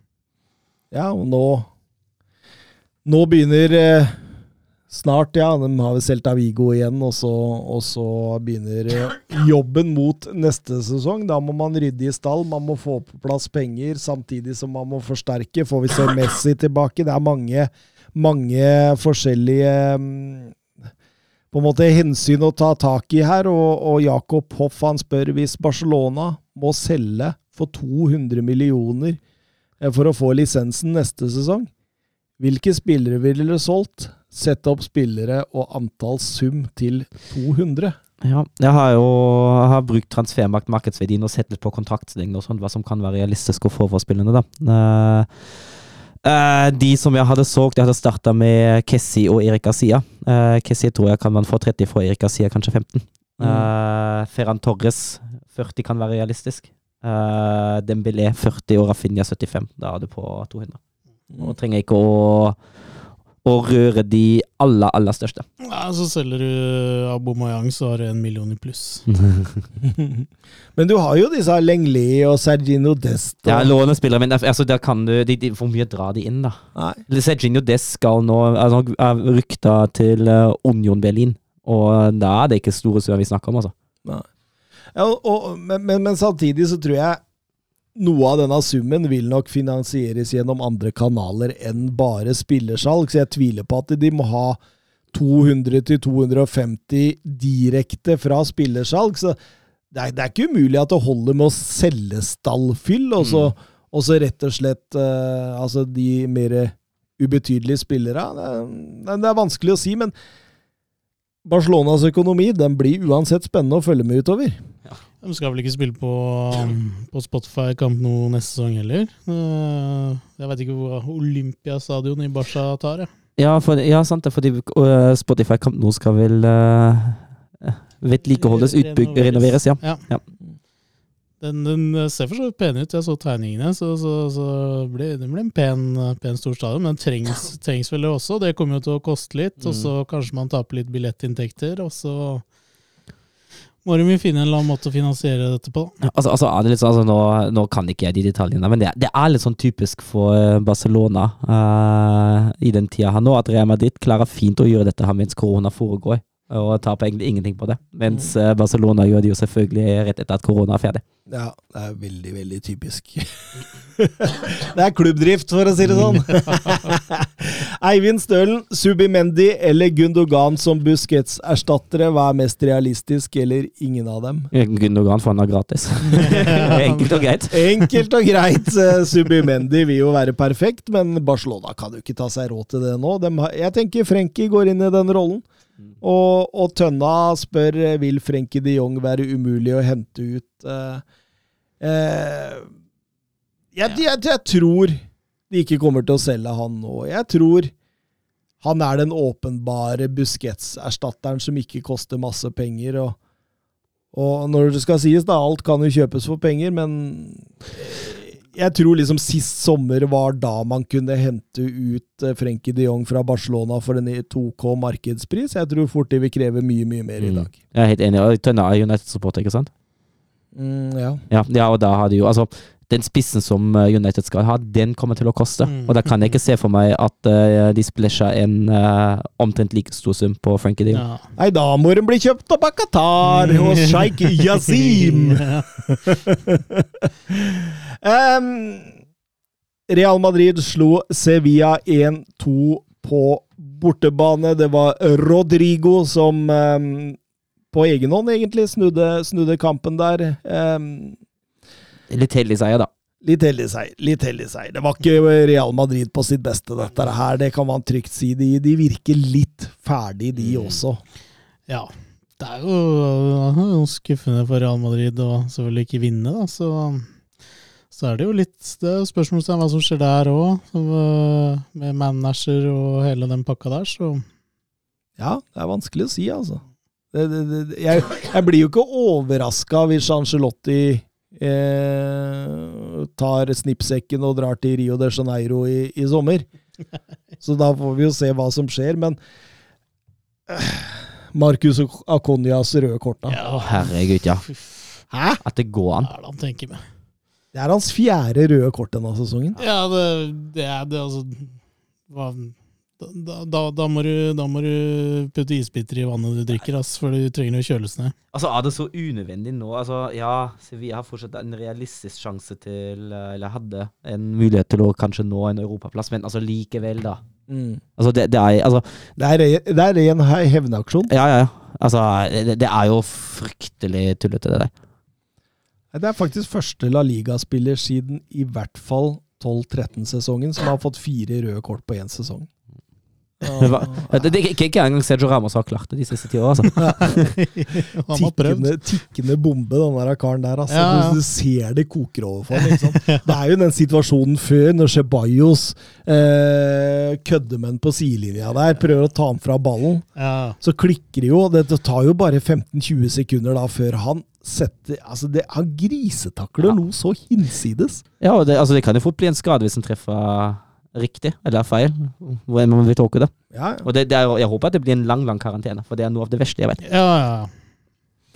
Um, Atletico Madrid, Real Sociedad. Sociedad hadde ikke tapt de siste sju i La Liga og var inne i sin lengste streak uten tap noen gang. Atletico Madrid hadde ikke tapt på ti hjemmekamper, så det var to gode lag i form her, og det Du du kan si Real Sociedad åpner best. Uh, men det, det, hagler jo ikke av store målsjanser, og så, og så ser vi igjen genialiteten til Antoine Griezmann. For den skuddteknikken der, den er det ikke mange som har. Nei, absolutt ikke. Det er fint eh, Rodrigo de Paul, Paul gjør uh, forarbeid der òg, men uh, ja, wow. Uh, Griezmann ja, Han har rett og slett vært grisemorsom å se på. Ja, han har, han har, en kjempesesong, ingen tvil om det. Og, og, og de leder 2-0, også Atletico der med Molina. Og, og, da får jo Real Sociedad beskjed om at eh, Rayo leder 2-0 over Villarreal. Så de føler jo at denne Champions League-plassen ikke er trua i det hele tatt. Og da, da, virker det som at det faller litt fra skuldrene dem, så de, de får til en sluttspurt der. Sørloth setter 2-1. Sørloth har jo vært i strålende form. Ja. Er, er, er det blitt Blir den kjøpt, uh, kjøpt opp uh, nå, eller også fast Sociedad? Ja, det er kanskje et spørsmål om nå, jeg tenker meg Ja, André Schjelderud spurte jo om det. altså Skriver Sørloth med tolv mål og Champions League-spill neste sesong. Blitt en hit i Baskeland. Hvor typisk Sørloths karriere hadde vært om klubbene ikke blei enige. Når ting ser bra ut, så går det rett vest. Ja, det Han er jo inne på noe der, men, men altså, sam, samtidig har tenker jo altså Leipzig har ikke behov for ham. Uh, Leipzig er jo sikkert glad for å få ham uh, vekk fra lønningslista. Han har vært veldig god i Sociedad. At Sociedad får i tillegg Champions League-millioner. At, altså at de to der ikke blir enige om en overgang, Sociedad og Leipzig, det er, det er vanskeligheter med å se for meg. altså. Særlig nå når de får disse Champions League-inntektene. Ja. Men, men, men André Schjelderup har helt klart et poeng her. Ja, Altså, for, for en berg-og-dal-bane av en karriere det har vært. ja, ja, ja det, er, det er helt vilt. Jeg hadde alltid tenkt at ja, han har ikke, altså, han har bare bevist gang på gang at han ikke har noe i en topp fem-liga å gjøre. Men, men nå har han jo bevist egentlig no, noe annet, da. Men, men, det hadde jo vært veldig typisk at uh, han uh, ender tilbake i Leipzig og blir lånt ut til noen drapsomspor eller noe sånt. Uh, og, og jeg syns synd på han i så fall, da, for jeg føler at han fortjener å ha altså et fast sted å, spille. Og kan bygge seg en karriere i, i et lag nå. Da. Det har han jo vist at, at han har inne La Liga-nivå og kan bidra for Real Sociedad. Ser ut som han trives godt i, i La Real òg. Det ser ut som han liksom Han får spilt på styrkene sine, han har fått seg en standing der, både blant spillere og fansen. Han har tillit fra Guasil. Mm. Altså det ser rett og slett ut som det er match made in heaven, altså. Ja, det er det. Selv om det, man skulle ikke tro at en tønder kunne trives i San Sebastian. nei, det, nei det, det, der har du et poeng. Eh, Via Real taper 2-1, som nevnt. Eh, får en redusering der eh, fra Giovanni Lo Celso eh, rett før slutt, men må ta til takke med Europa League-plassen. Og da, da er jo på en måte det viktigste delt ut i Spania, da, i, i toppen der. Man, man, lurer litt på hvem som kommer øverst av Madrid-klubbene. Men, men, det er jo nedrykkstiden. Det er, uh, det er, det er altså Bjørn Erik Skorge skriver hva, hva tenker vi om den nedrykkstriden, for den er ellevill. Den er ellevill, og, og for oss som sitter på fra utsida og er nøytrale, er jo dette her fryktelig morsomt. for de involverte lag, alt fra Valencia ned til Real Valladolid. er dette et helvete. Det er På grunn av denne innbyrdesregelen så er det så ekstremt mange vinklinger! ja, det er Joker Nord. Ja, ja. Det er fullstendig Joker Nord. Uh, nei, altså jeg hadde jo følt meg utrygg da hvis jeg var Celta Vigo, så jeg tenker at her er det bare om å gjøre mest mulig lag mellom seg før siste runde, så så nei, det blir spennende. Det, jeg, tror, jeg tror det kommer til å bli grei kok den siste La Liga-runden, hvor, hvor uh, hver, hver, hver ting som skjer, da, vil bare påvirke den tabellen eh, fullstendig. Ja, jeg har forstått at man må se Elche-kampen, for de har en nøkkel her. For eh, møter de Kadis, var det så? Ja, stemmer det. Ja, Og de har begynt å vinne. ja, ja. ja. Elche, med en gang de hadde liksom Nå er nedrykket et faktum, så har de begynt å ta poeng. Da det er ingen som slår dem. Og, og, og den kampen der kan være en veldig stor nøkkel for hva som kommer til å skje f- framover der. Men etter hva jeg forstår, så er det veldig liten sjanse for at Sevilla rykker ned, da. Ja, Sevilla har jo Nei, Sevilla 49 sier jeg. poeng, Hva, så jeg va, håper jo- Valencia, mente jeg. Sevilla har jo 49 poeng. De er jo- Valencia, Ja. Valencia, Valencia! Ja, ja, altså de er jo Valencia ligger vel ganske godt an i de innbyrdes der nede òg, Mm. hvis jeg ikke husker det helt feil. Uh, og da er det klart, da, da stiller du sterkt uansett. Uh, og så har de Bettes borte, det er en tøff oppgave, det. Eh, men da må, da må lagene først klatre forbi.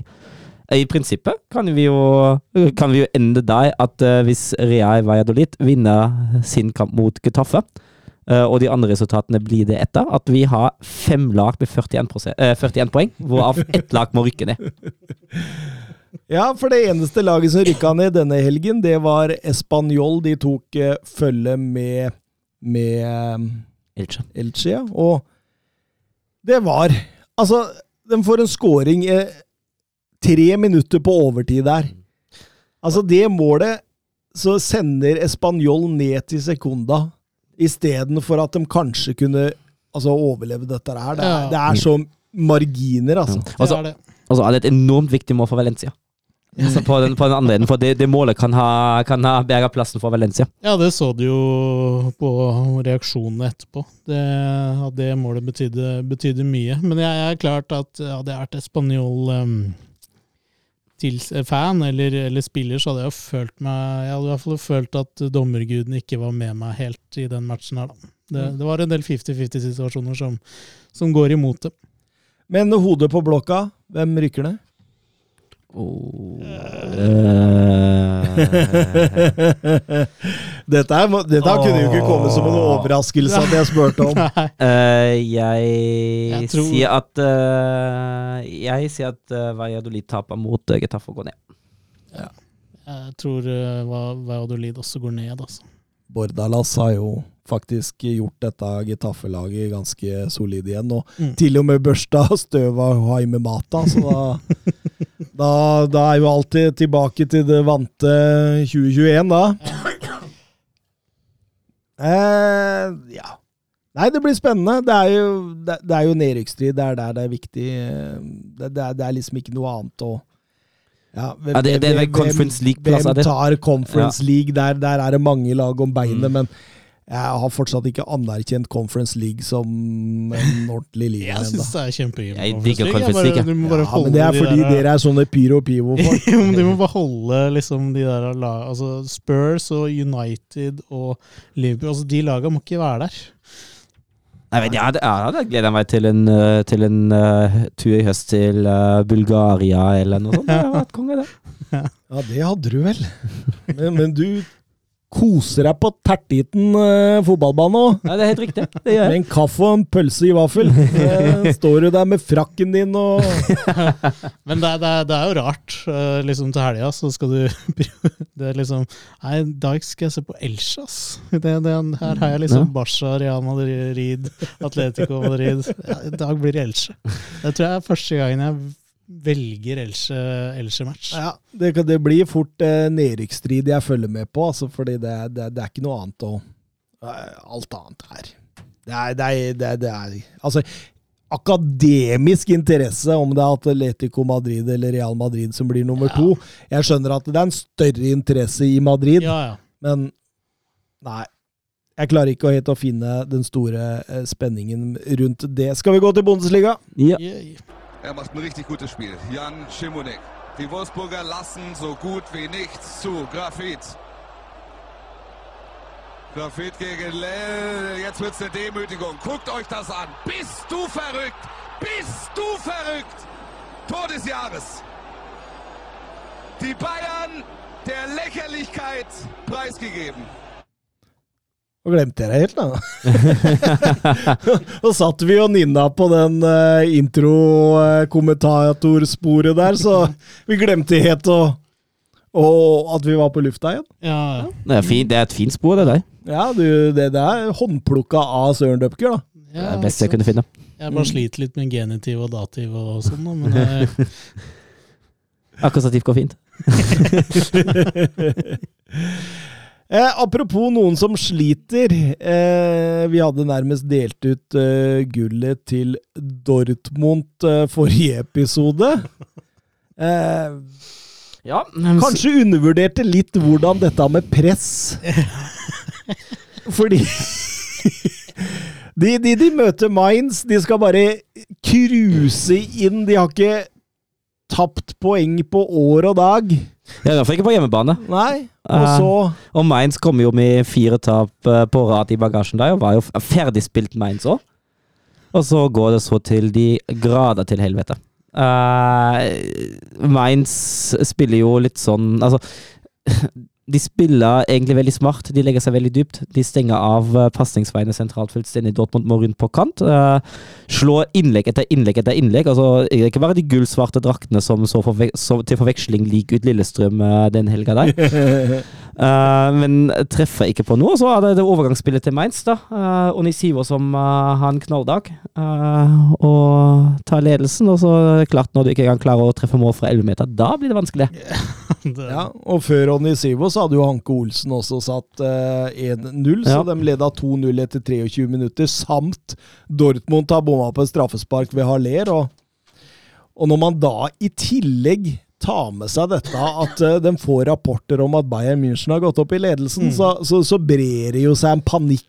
Ja, og du, du ser jo det, altså det blir jo mer og mer desperat. Altså, det blir jo Mainz blir jo veldig dype uh, utover i kampen. Uh, Særlig til 2-0 så legger de seg enda dypere, men uh, Dortmund sliter med å bryte igjennom. Uh, Terzic kaster jo inn alt han har av offensiv skyts. Uh, men Mainz gjør det veldig bra med å stenge av de sentrale områdene. Eh, altså Aden, de har, Dortmund har jo, skaper jo sjanser. Eh, Dortmund treffer etter hvert bedre på innleggene sine, Mm. men det vil seg ikke avslutningen er for svake. Bjørn Erik Skorge lurer på hva, hva tenker vi om laguttaket til Dortmund? At det blir så mange offensive spillere på banen mot slutten. og jeg, Det er jo et resultat i at en panikk som tar Terzic eh, man, man, Altså uh, Man legger bort mye av grunnspillet sitt for å bytte seg offensivt. Da, og det, det, det er jo sjeldent lurt. Man eh, Jeg syns spesielt man ser det de siste 10-12 minuttene der. At det, de får ikke noe ettertrykk. som ikke, Fordi det, det, alle spillere er jo framover i banen. ja. Mm. Nei, nei de, eh, Dortmund klarer vel ikke helt å håndtere denne situasjonen, da, eller eh, begivenheten som de, som de står i. Og det er, jeg føler det hele den, denne Bundesliga-runden viser bare hvor mye sånn vinnerkultur, da. Altså, Den som man snakker om sitter i veggene, betyr. Hvor det er Bayern i jobben, mens eh, det virker som det er eh, kok i hodene på, på Dortmund-spillerne, som, som ikke klarer å få, få satt, uh, satt i de viktige situasjonene. Jeg får veldig vibber fra den uh, 1999-2000-sesongen, uh, da Leverkosen bare skulle spasere inn uh, et seriegull uh, med tre poengsledelse på Bayern siste runde bort uh, mot Unterhaching, uh, en liten forstad til München. De var ferdigspilte, i år. da presterer Michael Ballack å skåre sjølmål. Så setter Oberleitner 2-0, og Bayern slår Brem samtidig 3-1 og vinner på målforskjell. Jeg syns det er litt sånn, litt sånn de vibber vi fikk på den kampen der òg.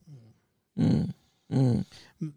Men så er det sånn, hva skal du gjøre da, som manager, når du er i den situasjonen? Ja, jeg Du, du ligger under 2-0, eh, du har Men, men, men det jeg lurer på, var dette plan B og plan C? Ja, Det er, det, det er der jeg ikke Mm. skjønner Terzic. Nå har vi skrytt hemningsløst av Terzic i mange uker på rad her. Men akkurat nå så er jeg litt sånn Altså, Var dette plan B og plan C? De, de må jo ha gått gjennom de forskjellige fasene på forhånd her. ja, Og, ja. og, og, og når du gir fra deg ettertrykket, når du gir fra deg på en måte altså, Det ser ut som han bare kaster inn spillere. Mm. Eh, altså, Modest kommer til og med inn der Ja, på ja. slutten, ikke sant? Jeg, jeg, jeg, tror, jeg tror kanskje det som også ødela planen litt for ham, da var de to skadene han fikk på både Adeyemi og Wolf. Mm. Uh, at, og da, da står det jo allerede 2-0, uh, så da tar han jo de byttene uh, som han også tror kan hjelpe ham seinere i kampen for å hente inn de målene der. Eh, hadde vært eh, 0-0 eller 0-1 på det tidspunktet, kan det hende at han har valgt å bytte litt annerledes der. Og de henter jo inn. Ja, men det er altfor seint. Ja, altfor seint. Helt klart. Mm. Spennende denne Ju Julian Duranville. Ja. Hadde noen gode tendenser, han, altså. Ja, det er Kjempetalent.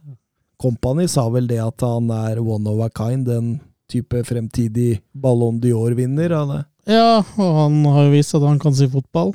Uh, company, så nei, det skal bli spennende å følge, og har vel uh, Kunne jo sikkert ikke vært på noe bedre sted for å forvalte det talentet, da, når man ser hva Dortmund har drevet med. Niklas Sule skårer 2-2 fem minutter på overtid, og da, og da blir det et par baller som klarer å bli pumpa inn Ja. i 16-meteren der. Altså det, det, det, De får, altså, noen, de får, de får et halvt minutt, minutt igjen, altså. ja. Fint satt, da, Silje. Ja, ja det er en nydelig skåring. Ja. Men blei det, ble det Dortmunds nytt for et straffespark eh, når han går i ryggen på Du, ja, du tenker på den, eh, på den sånn fem minutter etter det første straffesparket. Jeg synes det, altså, det er en 50-50. Jeg syns det er greit å la det gå. Mm. Men han er ikke veldig interessert i ball heller. Nei. Eh, Nei, nei, nei den, den hadde for, blitt forsvart. Mm. Og sånn sett så kan man jo si at de har ikke vært kjempeheldige med dommeravgjørelsene de siste rundene heller. Nei, men uh, den kampen der burde de ha vunnet uansett. Torjus Hansen spør Dortmund måtte vel bare choke, det var vel skrevet i stjernene? Ja, det er jo helt utrolig. Uh, og det som er jo litt sånn ekstra bittert for Dortmund nå, at jeg, jeg tror ikke den sjansen kommer så fort igjen.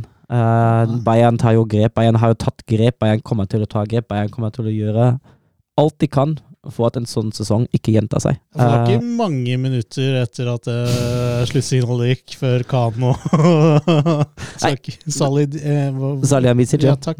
Skulle, skulle få sparken. Bare, bare kall den Brasso, du. Ja. Det er mye lettere. Ja, nei, og eh, Bayern legger på en måte til rette nå tar lærdommen fra den sesongen, og altså jeg, jeg, føler veldig mye av problemet til Bundesliga er at når, når Bayern viser svakhet, så er ikke de andre konstante nok. Og den sesongen viser dette her perfekt. Uh, Dortmund klarer å Altså, de har ikke vært konstante, de har hatt eh, resultatmessig en veldig god periode uh, etter VM. En enormt god periode. Uh, har vært, har den fått en dårlig start i år, i hvert fall i, i høstsesongen. Det vært en periode der de var svake. Eh, og så klarer de å, å til slutt fucke opp mot uh, Bochum og Mainz. Eh, Le Leipzig-Leverkosen starta horribelt og var egentlig aldri i en posisjon til å utfordre. Uh, så er det spørsmål nå er det neste gang når Bayern har en sånn sesong. For eh, som regel har ikke Bayern sånne sesonger. Uh, som regel går Bayern ganske suverent gjennom Bundesliga. Hva er det jeg så en eller annen sånn Sist gang Bayern ikke vant Bundesliga, så spilte Neymar fortsatt i Ja. Santos. Så.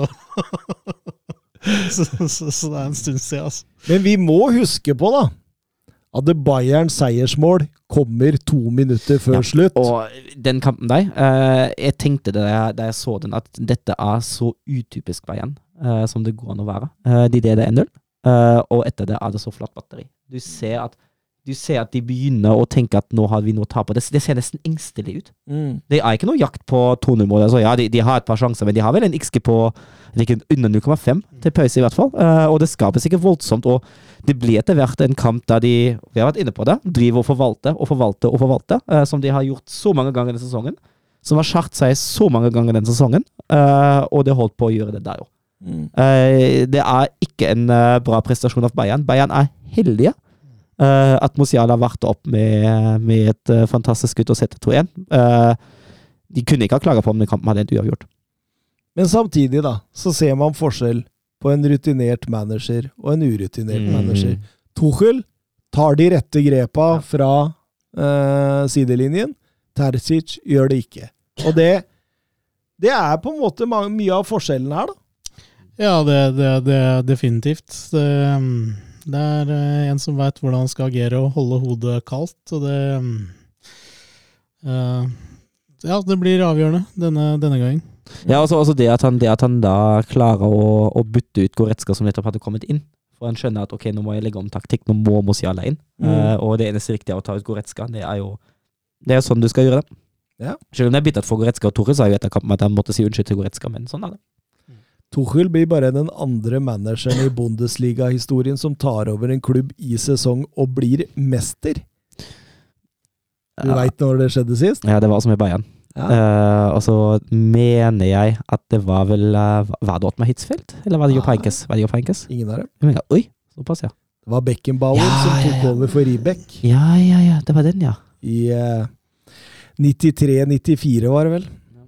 Så eh, det, det det er lenge siden det skjedde sist, og som dere er inne på, Khan og Brasso fikk sparken rett etter kampen. Ja, de fikk, de fikk beskjed før. Eh, de fikk vel beskjed på torsdag. Ja, de, de gjorde det, ja. Ja, de Ja, for jeg syns han Brasso var så ekstremt fornøyd ut på matta der etterpå. ja han, eh, han de, altså, Hønes og, og Heina og gjengen De snakka med begge. Og med Brasso sa de at de kom til enighet, mutual, som det så fint heter på engelsk gjensidig. Uh, at det er greit, det blir avslutta, og Bratt så ville da veldig gjerne bli med til, uh, til Köln. Uh, støtte laget og si ha det til laget. Det er jo tross alt han som har satt sammen det laget. Ryddig. Ryddig. Med Khan gikk det ikke så bra. Uh, Hønes sier at han ble emosjonell, uh, og jeg tipper at uh, istedenfor emosjonell kunne man også sagt høylytt.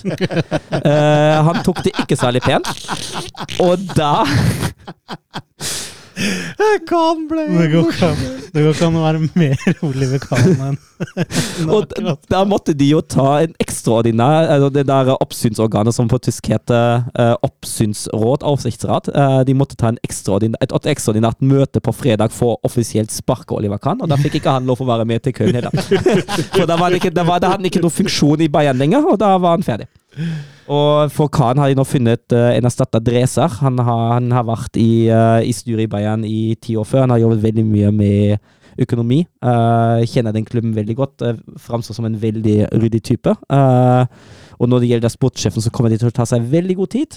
Det er en, en gjeng på fem stykk som nå skal drive med, med overgangsvinduet som kommer. Blant annet er Olli Hunes involvert, og det er veldig, veldig veldig tett på Thomas Tuchel, som kommer til å ha stor innflytelse på spillere inn og spillere ut nå den sommeren her. Eh, og så er også Karl-Heinz Rummenigge uh, tilbake i det der oppsynsorganet. Ja, jeg så at han skulle få noen rolle. Så ser jeg Mané er jo linka sterkt til Juventus. Mm, det tror jeg Bayern sier gledelig ja til. Det er jo også fascinerende, altså det, jo, det sier jo alt at Bayern trenger desperat mål de siste ti mot Köln, og det er ikke, det er ikke Mané som kommer inn. Ja, nei, han er i Kyland. RB Leipzig hadde allerede sikra seg Champions League der det var spenning. Det var hvem skulle ta seg til Champions League av Union Berlin og Freiburg, søren! Ja, eh, og da, vi snakket jo om at Union Berlin hadde, det, hadde den lettere oppgaven eh, med Bremen hjemme og Freiburg møtte Frankfurt borte. Eh, Union Berlin vinner jo 1-0. Uh, Rani Kedira, det var vel hans første scoring i Bundesliga for Union Berlin uh, noensinne. Bra tidspunkt å sette den. Uh, men en full fortjent seier. Eh, Union hadde klart beste lag mot Veda Bremen, eh, og vinner fullt fortjent. Og da spilte det ikke så mye ro- rolle hva Freiburg gjorde. De kunne ha gått forbi på målforskjell, men de trengte en vesentlig større seier. det De klarte ikke. De tapte til slutt eh, 2-1 mot Frankfurt etter to sene skåringer. Og Randal Kolomani var en av de som skårte for Frankfurt, og Finn-Jørgen Halvorsen har lurt på hvor, hvor ender han opp? Ja, det er et godt spørsmål. Altså, Frankfurt må ikke selge. Uh, det kommer litt an på tilbudet som Frankfurt får. Altså, men han er jo rykta til, uh, til mange store klubber. Han er rykta til Bayern, han er rykta til PSG, han er rykta til Real Madrid, og han er også rykta til Manchester United. Jeg ser for meg PSG på, på han, ja, men um, Ja, altså, altså Han kommer jo ikke til å bli billig etter Nei. den sesongen han har hatt. Uh, det blir jo ekstremt god butikk for Eintracht Frankfurt å hente ham gratis uh, hvis de skulle selge ham nå. vet du hvor han kommer fra? Eller? Uh, Nås. Ok. Fordi Helt gratis i fjor sommer. Ja, ja men sånn hvor han er født. Fordi Paris Saint-Germain har jo sagt at de skal bare kjøpe Paris, folk fra Paris. Det er Ja, godt spørsmål. Nei, det Ja, det, det var i hvert fall hovedtyngden. Mm. Skulle i hvert fall være unge franske talenter. Ja. Eh, de skulle vel ikke splæsje så altfor mange millioner mer, det var i hvert fall det som var planen. De, de millionene rettes jo mot Manchester United nå. Ja, det er, jeg jeg syns det lukter litt Manchester United. Jeg synes det. Eller Bayern München. Ja. En av de to. Hans ungdom, Hans første ungdomsklubb er Ville Pint, som er rett utenfor Paris. Ja. Jeg tror han går til Paris. jeg. Ikke så gammel heller. ja. Hvor gammel er han? 26, tror jeg. Ja, han er såpass. Hvis jeg ikke tar feil. Skal vi se. Nei, en yngre, vel. Ja, han- jeg tror jo, jo 24? 24 han. Ja, Ja. han blir 25 år i- i desember. Men det at Union Berlin får Champions League, det er jo helt spinnvilt. Det er første gang i klubbens historie, selvfølgelig er det det, for de har Mm. knapt nok vært i Bundesliga. Men det er det 15. laget fra Tyskland som deltar i Champions League. Det er ingen land i Europa som har flere forskjellige deltakerklubber i Champions League. Og det, det viser jo både styrken og svakheten med Bundesliga. Styrken er at det er spennende. Veien til toppen er kort. eh, Det er uforutsigbart. Men ulempen er jo at du har det, det klubbene gjør når de først er på topp, det er gjerne dårlig. De er veldig dårlige til å vedlikeholde den suksessen de har, uh, og bygge seg en stabil base. Og det er et av problemene til at ingen av de klubbene da klarer å, klarer å angripe Bayern München noe særlig. For de der, de der klubbene bak Bayern, nå er jo Dortmund også veldig veldig stabilt i Champions League, og Leipzig for all del òg, men uh, Wolfsburg hadde gode forutsetninger en periode. Leverkosen Leverkusen har hatt gode forutsetninger. Uh, Mönchenglappach var oppe. og Det, det ble, det ble bygga ekstremt dårlig med de Champions League-pengene tyske klubber fikk. Og på én side skjønner jeg det, fordi da kommer gjerne enda større klubber og henter vekk de beste spillerne. Men samtidig føler, føler jeg ofte at det tas rare valg i, i tyske klubber når de først har suksess. Mm. Og for første gang på 20 år deler to spillere tittelen målkonge. Mm. Eh, den ble delt mellom Kristoffer Nkunko, som eh, skårte to mål i sist runde, og Niklas Fullkrygg, som har slutta å skåre mål. Ja, en av hver skade òg. ja, ja, ja. Jo, jo, for så vidt. Eh, sist eh, det ble delt, var i 02-03-sesongen, og da var det Elber og Christiansen. Mm, dansk spiss. høres ut som et advokatfirma. Elber Christiansen og sønn.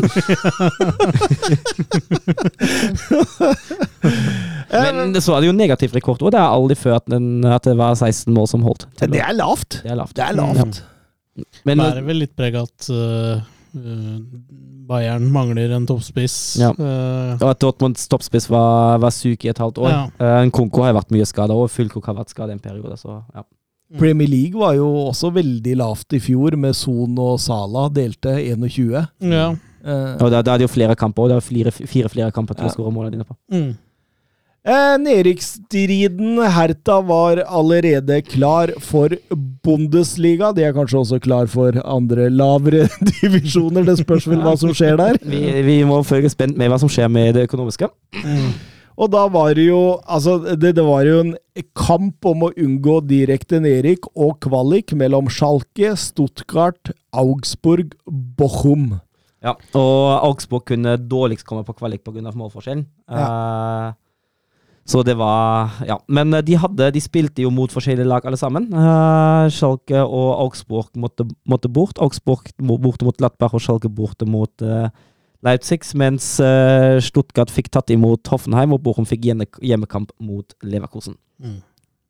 Ja, og det Det blei vel aldri den helt store spenninga. Det blei ikke sånn Premier League-nerve hvor Everton kunne ryke til siste slutt. Nei, og det skyldes jo veldig mye. Uh, det, var, det var litt spenning i den lille perioden da Schalke kom tilbake i Leipzig og det sto 2-2, uh, og Stuttgart plutselig uh, lå under 0-1 mot Hoffenheim. Da var Schalke ett mål unna kvalikplassen. Uh, Bochum leder jo tidlig mot ti Leverkosen-spillere. Adli får jo et, eh, et ekstremt tidlig rødt kort. Jeg veit ikke hva han driver med der. Altså, det er fullstendig hodemist. Er jo eh, Er det det man kaller for violent conduct? Det er vel det? Um, og da blir det lett for Eller lett og lett, da blir det fint for Borum å spille mot ti Leverkosen-spillere uh, med euforisert publikum uh, bak seg. Eh, Men jeg, jeg mener det er sterkt av Bochum, Ja, her. De, det er de, de, de tar sju av ni mulige poeng de tre siste serierundene, og det gjør de mot Augsburg, mot Leverkosen, og de har en uavgjort med Hertha Berlin. Og, og altså, dette her mener jeg er Bundesligas svakeste stall. Ja, ja, Ja, helt klart. Helt klart. Vi tipper dem jo, vi tipper dem jo ned. Nord og ned. Ja. fordel, må jo ha lavt budsjett òg. Lønner jo kramsepillerne sine. Og, og den starten de fikk òg. de sto jo med ett poeng etter seks kamper. Ja. Eh, det er jo eh, en enorm eh, prestasjon som Bochum har vist denne sesongen. Men, men dem, det Bochum skal ha for at de, gjorde jo noen grep tidlig i sesongen der med, med trener altså Mm. De gikk jo for egentlig ganske ukjent blad som trener som spilte en fotball som kanskje ikke de spiller av. Mm. Ja, Så har de tvika litt og tvika litt, og så, og så lykkes de, da. Ja, ja, altså Reis er jo, Vi vet jo hva Reis kan, men det har ikke passa til slutt i Bochum lenger. Uh, det var litt interne problemer der, for han ville jo egentlig bort til sommeren, og da ble det ikke noe av. Uh, men Lech var jo egentlig veldig kritisk til. Uh, jeg trodde ikke at han skulle klare til å snu skuta der, men det han har prestert med det Bochum-laget, det har vært helt enormt. Og særlig hjemme har de vært en tøff motstander for mange lag. Mm. Det blei Stuttgart som tok eh, kvaliken, det blei Schalke som rykka direkte ned med Herta, og det var nok godt for Søren Døpker, som har sittet uke inn og uke ut og dømt Schalke nord og ned, til tross for at eh, Jørgen, vår kjære lytter Jørgen Knutsen, har prøvd å skaffe seg et håp i det fjerne. Nei, altså det var jo, det var jo håp til slutt. Ehm, men det, det er ikke godt at Schalke går ned. Jeg syns ikke det er hyggelig. Uh, det, er, det er egentlig mest trist at en så stor klubb uh, og publikumsmagnet og emosjonell klubb uh, forsvinner igjen i andre Bundesliga. Eh, jeg syns det er veldig synd. Det er en klubb som jeg gjerne hadde sett oppe. At de til slutt rykka ned fortjent, ikke noe tvil. Det var jo den dårlige vårsesongen som Det er høstsesongen, unnskyld. Eh, som felte dem. eh, med kun Thomas Reis. Eh, hadde de starta med ham den sesongen her, så Mm. hadde det trolig gått. Men eh, ja, nå er jo tydeligvis eh, Søren eh, en, en som knuser både håp og, og drømmer, da. Men, eh, så det er kanskje litt feil å stille spørsmålet. Men, men er det liksom altså, Schalke som liksom topp fire-klubb i Hvor lang tid tar det før de er tilbake der? Kommer de noen gang til å komme tilbake der uten eventuelt at det kommer noen investeringer inn, eller? Det er et veldig godt spørsmål. Eh, de må jo bygge litt på nytt, og de, de har nå gått over til neste steg. De sier jo sjøl altså, Forrige nedrykk, uh, da var det økonomisk disaster. Eh, nå sier de at ja, vi altså, det økonomiske situasjonen den er ikke superbra, eh, men nå har de litt kontroll. Eh, og nå sier de også at eh, det budsjettet vi har, nå skal vi slutte å kaste inn masse lånespillere. Nå skal vi bygge.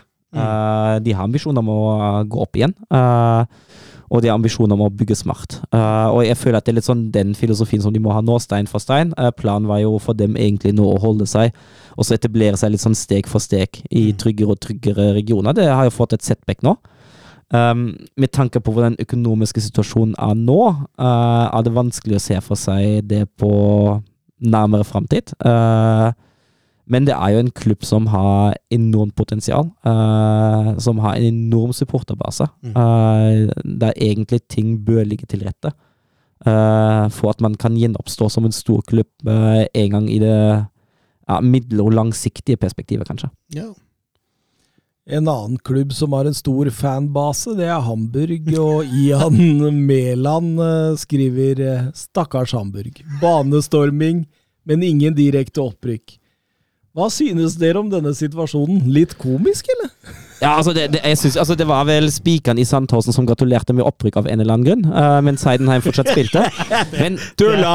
Ja. er. Ja, det, det, er, det er litt dritt. Og det, samme skjedde jo med, med Ven Wiesbaden i, uh, på tredje nivå uh, dagen før.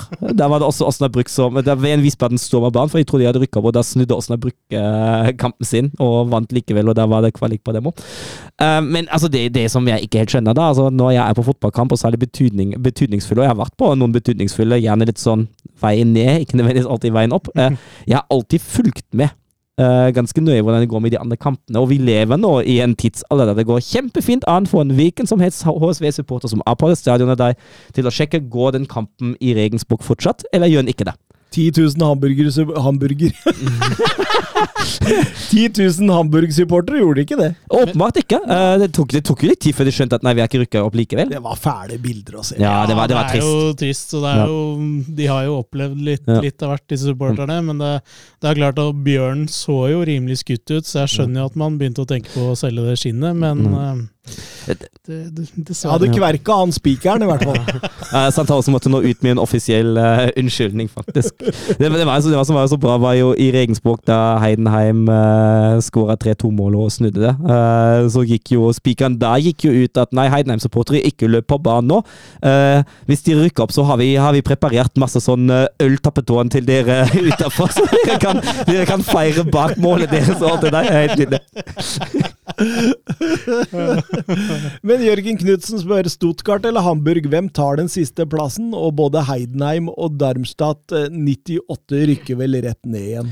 Eh, jeg tror Stuttgart tar den siste plassen. Eh, den store Jeg håper på Hamburg, jeg. Jeg Jeg kjenner jeg håper på Ja, Hamburg. ja, de fortjener det, de, de nå, altså. den, men den største fordelen som andre Bundesliga-lag gjerne har, at de kommer jo gjerne litt sånn ridende på en euforibølge. Uh, med Hamburg er det stikk motsatte nå. Uh, de er nok ganske hardt truffet av uh, Spikeren. spikeren og, og den dramatikken i siste runde. Eh, det er vanskelig å reise seg fra det mentalt igjen og måtte spille de to siste kampene. Samt at Stuttgart altså, har bare tapt én av de siste Ja. sju. Ja. Uh, og hvis jeg må velge mellom eh, Sebastian Hønes på trenerbenken eller Tim Walter, velger jeg Sebastian Hønes sju dager i uka. Uh, bare så de har sagt. Så Stuttgart er etter, meg, etter min mening uh, ganske klare favoritter. Når det gjelder Darmstadt og Heidenheim, de er kjempeoutsidere begge to. Eh, Frank Schmidt i Heidenheim har, har gjort en ekstremt god jobb til å stegvis etablere Heidenheim på et høyere og høyere og høyere nivå. De har jo snust litt på opprykk de siste årene nå. Nå har de klart det. Um, Lieberknecht, da han sist var i, uh, i Bundesliga, så gikk uh, det dessverre fryktelig dårlig. Da gikk det rett ned igjen med Eintracht Braunschweig. Ja, Um, det var fælt. ja, fryktelig fælt. Um, og de, altså, de går jo inn som de to svakeste. Darmstadt har jo klart det før. At de har gått inn i Da de sist kom opp i Bundesliga, så har de klart å holde seg i hvert fall i ett år før de gikk ned igjen. Uh, skal ikke utelukke noe, skal avvente uh, avvente overgangsvinduet uh, før tipset, men at de går inn som store outsider, ja, helt klart. Kan jeg si noe om Wolfsburg òg, eller? Ja, da, da må du forte deg, for vi runder snart to timer, og vi Ja. har to ligaer igjen, Ja, pluss. Europa. Men uh, vi trengte jo, nå ut ifra resultatene som var, trengte vi ett poeng for å sikre sjetteplassen, og det med minst Conference League, kanskje til og med Europa League hvis Leipzig skulle vinne cupen, uh, mot allerede rykkende Herta. Og så klarer man jo selvfølgelig å kaste bort. Niko Kovac starta nok en gang det samme taperlaget som har starta sist. Uh, nekta nok en gang å gjøre grep når han merker at kampen går skeis. Uh, jakta andre mål i første omgang, og så veit jeg ikke hva han har sagt. Åpenbart har han sagt at nei, nå skal vi være litt forsiktige her, gutta. Så man uh, bare triller ball og prøver å ligge komfortabelt, og det går selvfølgelig eh, så til de grader til helvete som det kunne gå. Gå! og da kaster man det bort mot et hertelag som til slutt så ut som et halvt G19-lag. Det er helt utrolig hvor, hvor tafatt og feigt det går an å bli i jakten på Europa. Jeg, jeg fatter ikke hvordan det da er mulig, og jeg er så frustrert og forbanna som jeg sjelden har vært. Altså, I hvert fall ikke siden sist. Og nå er det tusenvis av Wolfsburg-supportere som skal saksøke Kovac gjennom Elber, Christensen og sønn.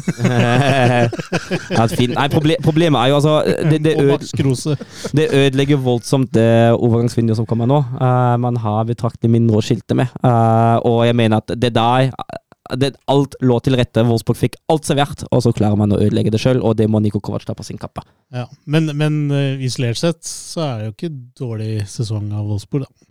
Nei, det er middelmådig, akkurat som uh, forventa at Kovac skulle være. Vi snakka om et tak, Ja. Og det er, og det ja. er tak, ja, det, det er omtrent. Skjønner. Ja.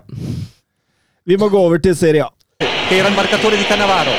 Palla tagliata, messa fuori, c'è Pirlo, Pirlo, Pirlo, ancora Pirlo di tacco, tiro, Grosso,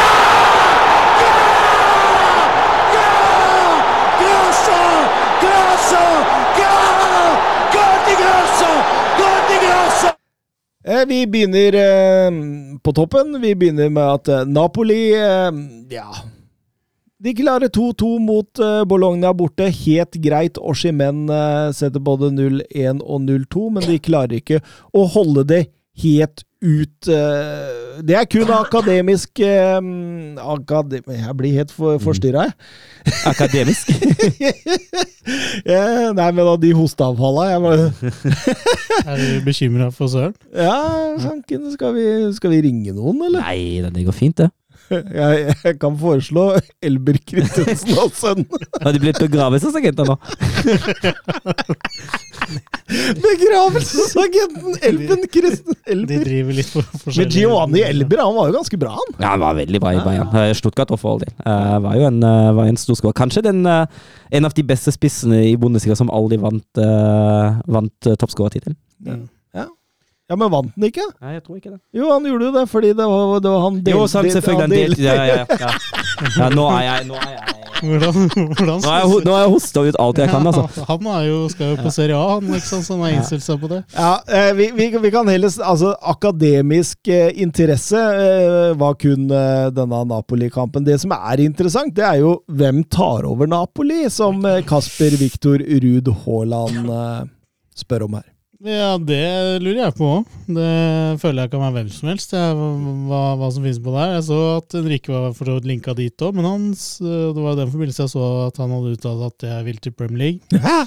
Så jeg, er- jeg er spent på, på, på hvem som tar over i, i Napoli. Jeg setter en øl på Vicenzo Italiano. Nei, jeg vet ikke mot deg på den.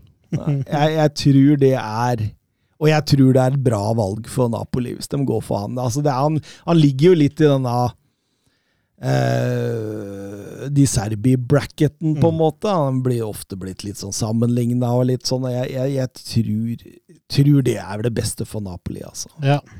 Men uh, vi får vel ikke noe klarhet før Serie A er ferdig, tenker jeg. Nei. Lazio var allerede klare for Champions League, vinner 3-2 mot eh, allerede nedrykksklare Cremonese. Eh, Inter slår Atalanta 3-2 etter en eh, veldig bra fotballkamp av, av, av eh, Inter. Altså, det, det tyder godt på Champions League, selv om de ikke har kjangs. Eh, mens Milan slår Juventus 0-1 borte. Og dette, dette var jo en kamp Juventus måtte vinne hvis de skulle ha håp om Champions League. Det, det klarte de ikke, søren.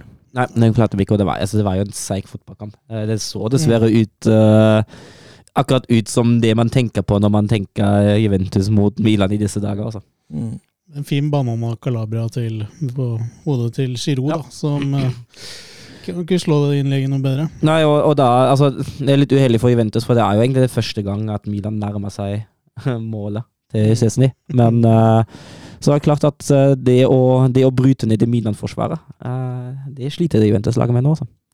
Iblant når jeg ser Juventus angripe, så får jeg lyst til å ta rennafart og løpe med huet først inn i en murvegg. Det, det, det, det ligger Det ligger omtrent der. Altså, det er så ferdig som det går an. Og du ser altså Milan utover i annen omgang, de bare kontrollerer det. Pioli henter opp oppskriften han hadde fra når de gikk videre fra, mot Tottenham og Napoli i Champions League, og bare cruiser det inn. Så det Nei, det er ikke kjangs. Og eh, Gustav Horndal spør ta for dere Juventus og situasjonen der nå. Hvilke grep må man ta?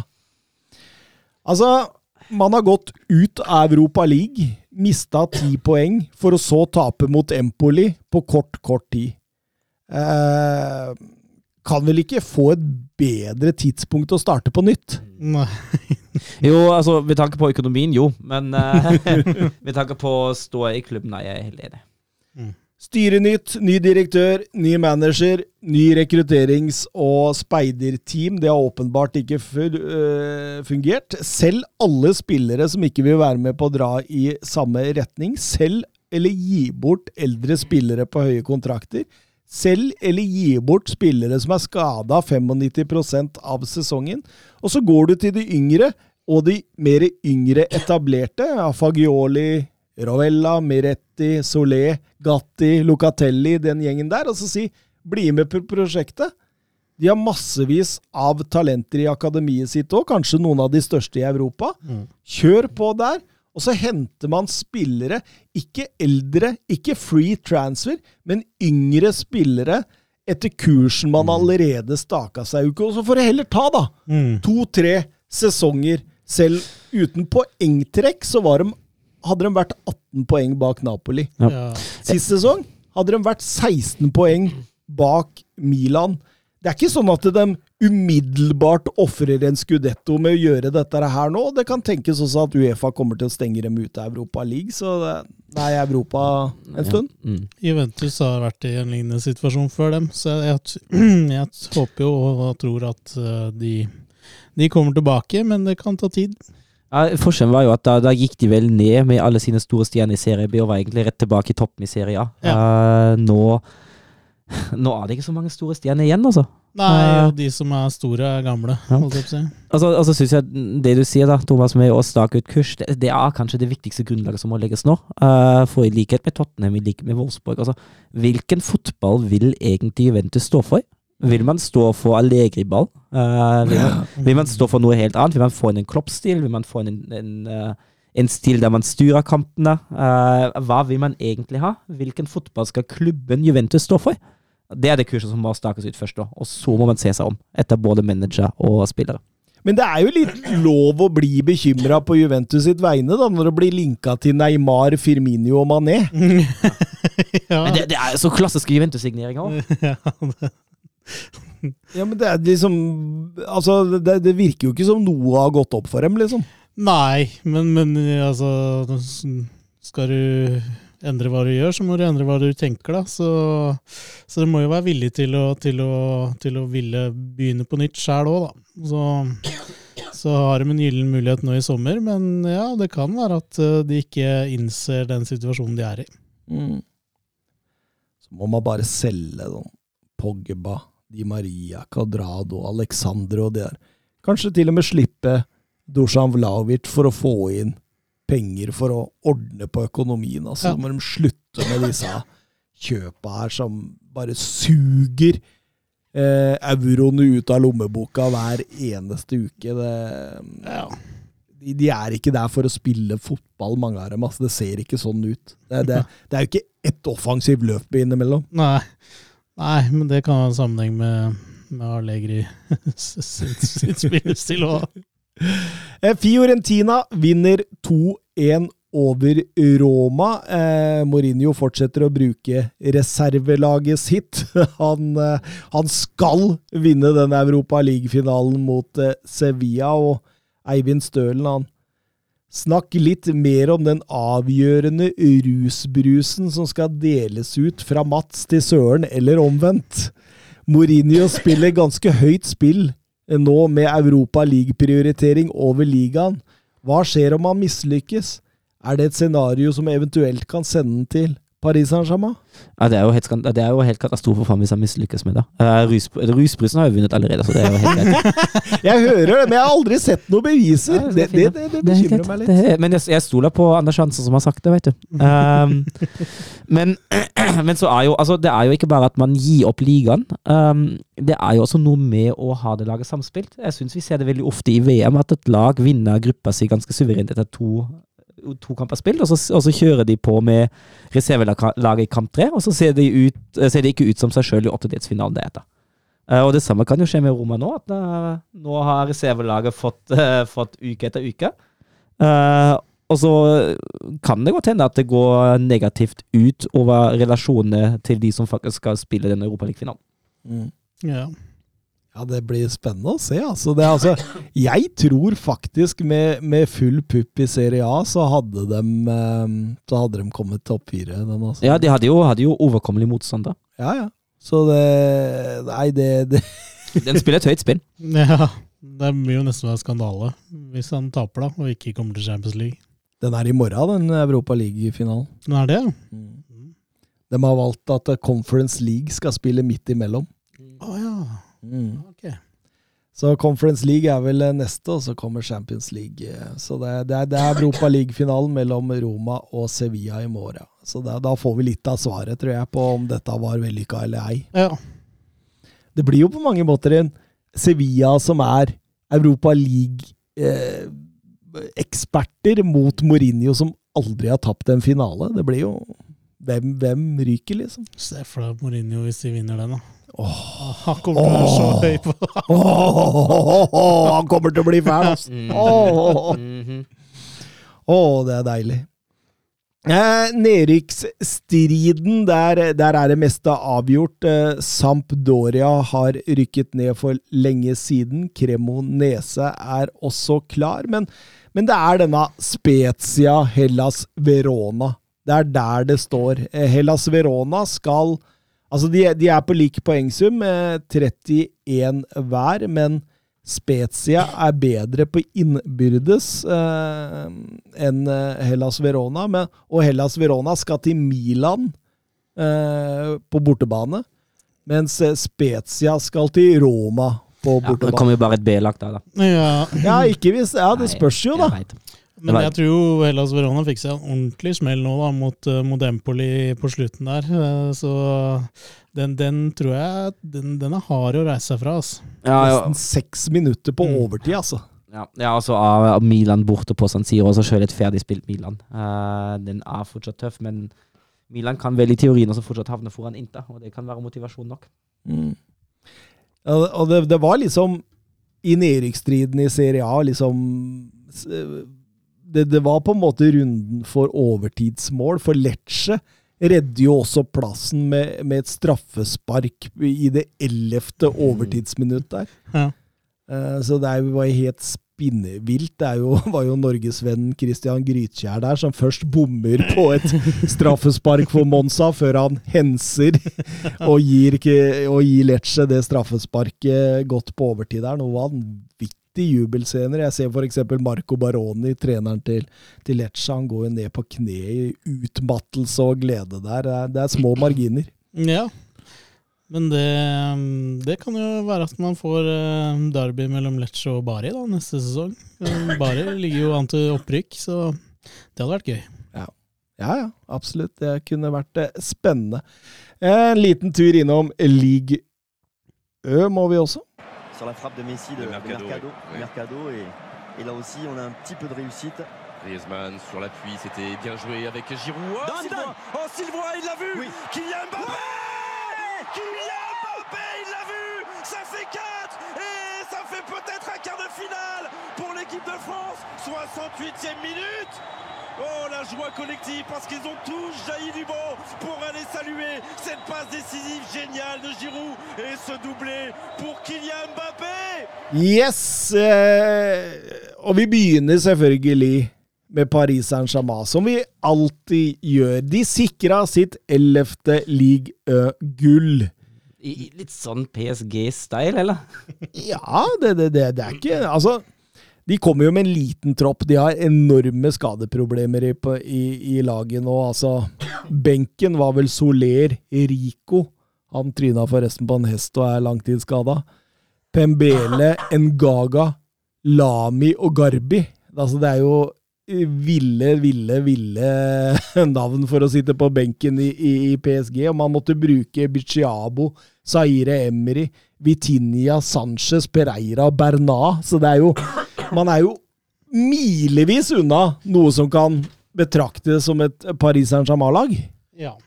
Men likevel, altså, det er jo et lag som egentlig skal slå Strasbourg ganske greit opp. Det er fortsatt gode spillere. Ja da, men de gjør ikke det, for Kevin Gameiro han svarer på Messis eh, 0-1, og, og det blir 1-1, men det er nok. Det er nok. Det er nok. De vinner Ligue League Ø, som vi har egentlig sagt at de kommer til å gjøre hele sesongen. Eh, det lekka en video fra garderoben der. Ser ut som et norsk annendivisjonslag som har tatt seg videre i tredje runde i NM. Altså det, det, det, det ser ikke ut som noen som har vunnet en liga. Det er, det, det er, kanskje der problemet ligger, tenker jeg. Ja, altså, de vet jo det veldig godt sjøl òg, at for at ikke de skal vinne det seriegullet der, så skal det ekstremt mye til. Eh, og det vet de jo hele sesongen òg, og sånn, sånn spiller de jo. Det virker som det er halv maskin i mange kamper. Det er det, og leste en artikkel fra Le Cup her. De eh, ranka denne sesongen under QSI som den nest nederste.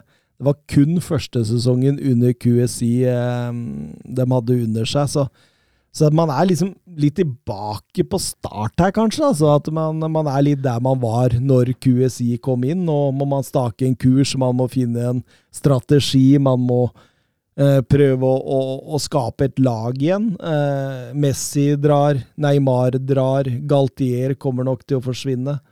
Eh, Mbappe sier han blir et år til, men hva skjer etter det? Eh, så så det, det er veldig mange spørsmål her.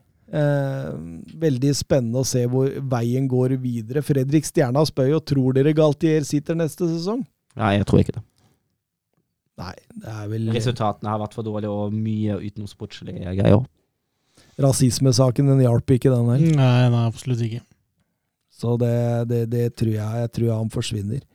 Dessuten så blir Frank Heises navn nevnt oftere og oftere i forbindelse med denne jobben, så Men jeg flirer litt, da. Neymar. Neymar. Han var jo ikke med til Strasbourg, han. Sånn som for eksempel Kim Pembe og de andre skada spillere for å feire gullet.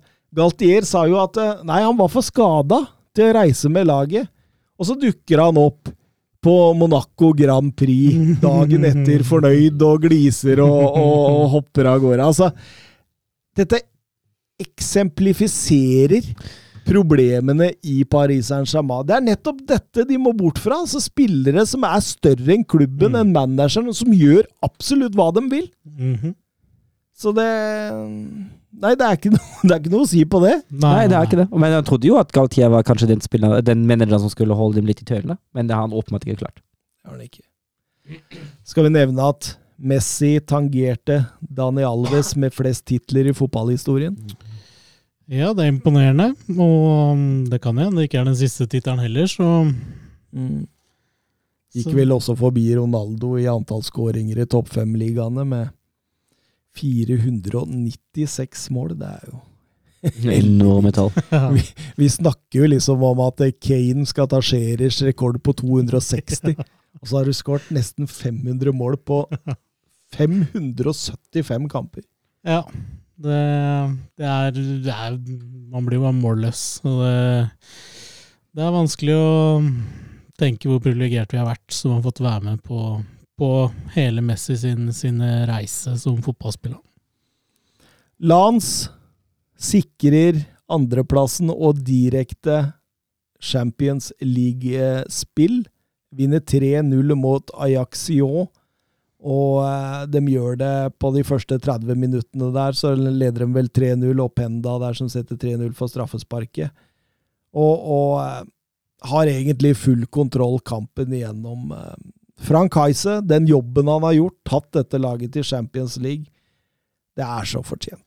Ja, det er ellevilt. Ellevilt og fortjent. Og det er en, en fotballby og skal spille Champions League med Union Berlin neste år. Det, Tenk det. det, er, eh, ja, det, er, det er imponerende, altså. Ja, skikkelig kult. Altså Bunnsolide defensiv med Kevin Danso, som har hatt en strålende sesong baki der. Fofana og Samed sentralt på midten har løpt sokka av seg. Kriga, duellert. De tilfører liksom på en måte det som er Lans, da. Med, med, med, med, med en sånn krigersk innstilling og en, et trøkk og vilje som er helt ekstrem. Og så har du Openda på topp, som har runda 20 nå. Nei, spilleren som eh, Philip Clemet ikke ønska å ha med seg i, i Klubb Brygge, det det, det, det, det det gjør ikke noe bedre når du ser at Monaco nå ser ut til å miste Europa League også. Mm. Det Jeg tror ikke Clemet kommer til å overleve det. Nei, hvis, Ja. hvis det blir utenom Europa, da har jeg vanskelig med å se for meg. Da ryker han. Da, da ryker han. Det, det, det tror jeg òg. Jeg tror ikke de klarer å sitte og se på det. Og det hva er verre? Altså, i tabellen her, da, så har den Europa League-plassen nå har Lill med 66 poeng. Renn er på 65, og Monaco på 65. Så de må både forbi Lill og forbi Renn. Renn har Brest borte, og Lill har Troya borte. Det kommer ikke til å gå. Ja, Det kommer ikke til å gå. det gjør ikke det. Så da tror jeg vi må takke farvel til nok en manager vi hadde litt trua på, faktisk. Ja, faktisk. også. han starter jo ikke så dårlig heller. Han har vel en eh, god seiersperiode da, men til syvende og sist har det vært eh, Det har vært for ukonstant, hele perioden hans, egentlig sett ned. Ja, så var det alltid Altså, Monaco de siste sesongene har alltid starta dårlig, og så har de avslutta forrykende. Men nå starta de dårlig og avslutter dårlig, og det, det koster eh, europaplassen. Det er ingen tvil om det. Ja. Eh, så kan man også si at det er en liten nedtur for Marseille, som taper hjemme mot Brest, og nok en gang på en måte befester de der problemene de har rundt eh, det med å spille på velodrom. Det, det, det, den blir aldri helt kloke på det. Mm. Og dermed blir det Champions League-kvalik for dem, da. Ja. Og det kan bli tøft. Det, det kan eh, innimellom bli tøft. Altså, jeg bare tenker på, altså Vi snakka jo forrige uke om Marseille og den tredjeplassen, om det var en skuffelse eller ikke sist sesong. Eh, nei, sist episode, mener jeg. Eh, så blei vi mer eller mindre enige om at der de ligger nå, at det er fair. De har to poeng mer nå enn de hadde under Sampaioli når de blei fikk andreplass i fjor. Mm. Eh, Igor Tudor han har tillit, men denne hjemmeformen At man taper begge kampene mot Lance og PSG Mm. Det har begynt å få det til å murre litt i kulissene. og Man har fått noen på trynet også, sånn, sånn som i Champions League, da når Høibjerg sender dem ut av hele Europa i siste minutt, eksempel. Ja. Eh, Eller at de gikk ut eh, i Coupe de France mot eh, Annecy, Mm. som ikke engang har sikra plassen i league død Mm. eh, enda. Så det er liksom, man har fått seg noen sånn skikkelige som gjør at det, det, det Alt er ikke helt som det skal i Marseille heller. Nei. Nei, føler aldri helt som det skal i Marseille, men eh, det Det er mye press. Nei, det er en klubb i kronisk uro, egentlig, føler jeg. Mm. Nedrykksstriden der er eh, stort sett avgjort. Det er én plass igjen. Eh, Anger, Ajaxio og Troya har allerede rykka ned, og så står det mellom Auxerre og Nant i siste runde. Eh, Auxerre har Lans hjemme, mens, eh, mens eh, Nant Hvem var det de hadde igjen? Skal vi se. Det er, er Anger hjemme. Anger hjemme. Og der tror jeg fort at uh, klarer å- eh, kan klare å klatre forbi Auxerre. Selv om Anger er i en liten sånn der Elche-syndrom nå, at de Ja, ja. plutselig har begynt å, å ta litt poeng. Ja. Um, et lite oppsamlingsspørsmål før vi tar fatt på europahjørnet, siden det involverer alle ligaer. Vi skal svare Her skal vi svare ganske fort og konstant. Vi skal Mm. ikke tenke så veldig mye, så bare, bare the, the first som kommer til oss, liksom. Okay. Eh, Bjørn Erik Skorge, hvem tror dere er managere i neste sesong? Mhm. Tottenham? Nagelsmann. Louis Henrique. Nagelsmann. PSG? Louis Henrique. uh, der kom jeg ikke Der sleit jeg. med Frank. Heise. Ja, ja, Frank Heise. Milan? Pioli. Conte. Conte. Crystal Palace? Potter. Po- Potter, ja. ja. Potter? Ja. Eh, Napoli? Italiano. Italiano. Italiano. Eh, Real Madrid? Raúl. Nagelsmann. Å, jeg likte Raoul! Eh, Zidane. Nagelsmann, tipper jeg. eh, Europahjørnet. Bra jobba, gutta! Bra ball! Nei! Ah, grei offside. Tor Håkon, den er grei. Bøkka. Tor Håkon! Nei, Tor Håkon, det var din egen skyld. Ikke bli sint for det, i hvert fall. da. Tor Håkon, ikke kjeft på dommeren. Og ikke kjeft på dommeren. Tor Håkon, nå hører du på dommeren. Er hver gang, altså. Hver gang. Yes! Eh, har du noe å si til oss i Eres divisjon? Ja da, siste runde i Eres-divisjon. Eh, Ajax møtte Tvente borte, klarer å tape 3-1 der. Må nøye seg med tredjeplass og Europaliga etter en horribel sesong for Ajax. Eh, berges nok litt av at PSV vinner sin kamp mot uh, AZ, slik at AZ ikke går forbi likevel. Oi, oi, oi. Så de kunne en på fjerde, altså? De kunne en på fjerde. En, eh, en horribel sesong for Ajax. Den her må de, eh, må de trekke de riktige konklusjonene fra.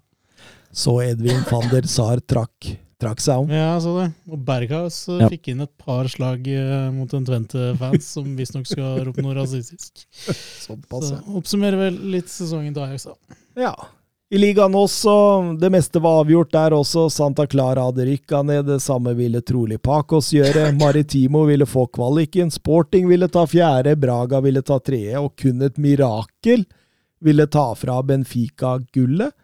Det mirakelet, det skjedde ikke. Eh, sant nok så trodde jeg det skulle være større forskjell på lagene. Eh, altså desiderte bunnlag Santa Clara borte mot Benfica, men alt i alt så har jo de full kontroll og vinner greit 3-0. Og så, så får Grimaldo også lov til å sette siste scoring fra straffemerket etter rundt timen. Og det, det, det tegner vel litt på hvor god kontroll man har på Mm. kampen, når man kan tillate seg det. Eh, Aursnes var på banen samfull i 90 pluss overtid, og Tengstedt og Schjelderup var på benken gjennom hele kampen.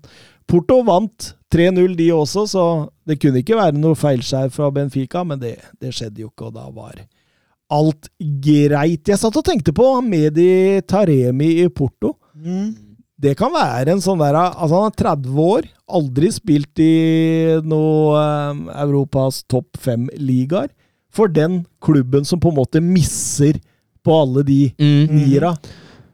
Det kan være en go to-spiller for et par-tre sesonger, altså. Ja, han har jo, han har jo vist uh, i Porto at han er en veldig god fotballspiller. Og han har jo fortsatt noen gode igjen, for all del. Litt sånn Diego Costa Ja, Bare litt råere i boks. Mm. Nei, den vinner også toppskårertittelen i ligaen også. Eh, Nikolai, fotballmann. eh, Utenom inverterte bekker, hvilke nye taktiske ideer eh, har vi sett utvikle seg i de siste årene i toppfotballen? Ja, De siste årene er jo et vidt begrep. Eh, Det nyeste nå er jo at det plutselig ikke er invitert til Bekka. Plutselig er det jo stoppere som skyves opp ved siden av eh, den eh, defensive pivoten. Um, jeg syns også det er blitt stilt større krav til både stoppere og den defensive midtbanespilleren nå. Nå må, Ja, de, ja, nå må de være gode med ball. Eh, det går ikke an. De spiller en viktig rolle i frispillinga. Eh, de spiller en viktig rolle i å utfordre rom. Um, jeg syns man ser mer til en trevekstlinje, særlig i frispillinga, eh, også motbanen for all del, eh, men særlig i frispillinga er det ofte at, eh, at man danner en trevekstlinje helt bakerst, eh, for å skape et overtall mot press gjerne. Uh, Tieren har dødd ut, så godt Ja. som. Så godt som, ja. Eh, det har blitt enda større fokus på å utnytte ubalanse på gegenpressing på det å vinne andre baller, uh, som har hatt den uh, kjedelige sideeffekten at det er færre og færre lag som egentlig vil ha ballen. I hvert fall i store kamper. Ja. Chris Wyler drev jo med Sheffield United for noen år siden med de der overlappende stopperne. Mm. Liverpool har jo prøvd uh, i år med underpresserende midtbanespillere. Mm. Uh, det funka, funka dårlig.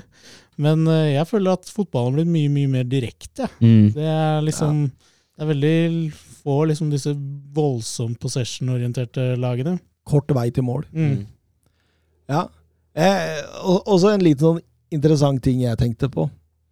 Eh, jeg tror keepera vil bli enda mer aktive i frispillingsfasen. Jeg tror at dette med at keepera er gode ballspillere, bare blir viktigere og viktigere. Og jeg tror ikke det blir uvanlig eh, i framtiden å se keepere godt utafor 16-meteren under frispillinger. Mm. I hvert fall for de største lagene, lag som skal dominere kamper, som Ja. Manchester City. Uh, Guardiola har fått en trener som fint kan finne på det der. Ja, Mm. absolutt. Øyvind Strand, U20-VM. Hvem har imponert dere i gruppespillet, og hvem tror dere ender opp med gullet? Her må jeg innrømme at jeg har ikke sett et sekund av den turneringa live. eh, så har jeg, har jeg scenen din, Thomas. Altså. Jeg elsker jo sånt. Eh, hvem har imponert i gruppespillet? Eh, Argentina har glidd greit igjennom, men i en veldig lett gruppe. Eh, Brasil hadde en vesentlig tøffere gruppe. Ehm, eh, kommer også på den enkleste sida i utslagsrunden. Så det, det, det er stort pluss. England, eh, bra i gruppespillet. Eh, I en litt tøffere gruppe også. Eh, har nå Italia, og er på en feil side av der, dette treet. Eh, det kan bli tøft. USA er kanskje den som har imponert meg mest av alle de som jeg liksom ikke hadde noen sånn kjempeforventninger til. De dro fra gruppespillet med tre seire og 6-0 i målforskjell. Frankrike er den som har skuffa aller, aller mest. Eh, blir nummer tre i en gruppe med Gambia, Sør-Korea og Honduras og er allerede ute. Eh, Jeg tror nok vinneren blir i den bracketen Argentina-Brasil og vinneren av Italia-England. Mm. Eh, gambler litt på Brasil. Eh, litt fordi de kom på den beste sida av dette utslagstreet, og fordi de har sett veldig bra ut. De har veldig mange strenger å spille på. Et offensivt arsenal med ekstremt mange gode spillere. Marcos Leonardo der. Andrej Santos, Savio, Marquinhos, som er på utlån fra Arsenal. De, de ser veldig bra ut, men de tapte mot Italia i, i gruppespillet, så det er en liten sånn greie der. Men det er jevnt, men hvis du ikke finner vinneren blant Argentina, Brasil, England, Italia, så tror jeg mye har gått gærent. Eh, Nikolai spør også sette opp årets U23-lag i verden i 4-3-3. Er det verden? For jeg har bare tatt topp fem-ligaen, jeg. Ja. Ja, men det kan vi jo for så Ja. vidt eh, lene oss til. Jeg, jeg, jeg har vel faktisk med Det er, én som ikke er ja, i topp det, det, det, det er en keeper da som, uh, kanskje kan, uh, som vi kanskje fint kan flette inn der. Det var jeg han som er inne. Ja, kan vi jo ta ham, fordi jeg syns han er det beste alternativet der. Diogo Costa. Ja, ja, selvfølgelig. Hadde du Marmadashvili nå, da? Ja. Ja. Mm. Mm. Da blir det Costa som keeper, høyreback. Eh, Frimpong. Det, I- Og da, altså, jeg har funnet U23 etter spiller som var 23 eller yngre, da. ja. Nærmest var vel Pedro Porro. Ja.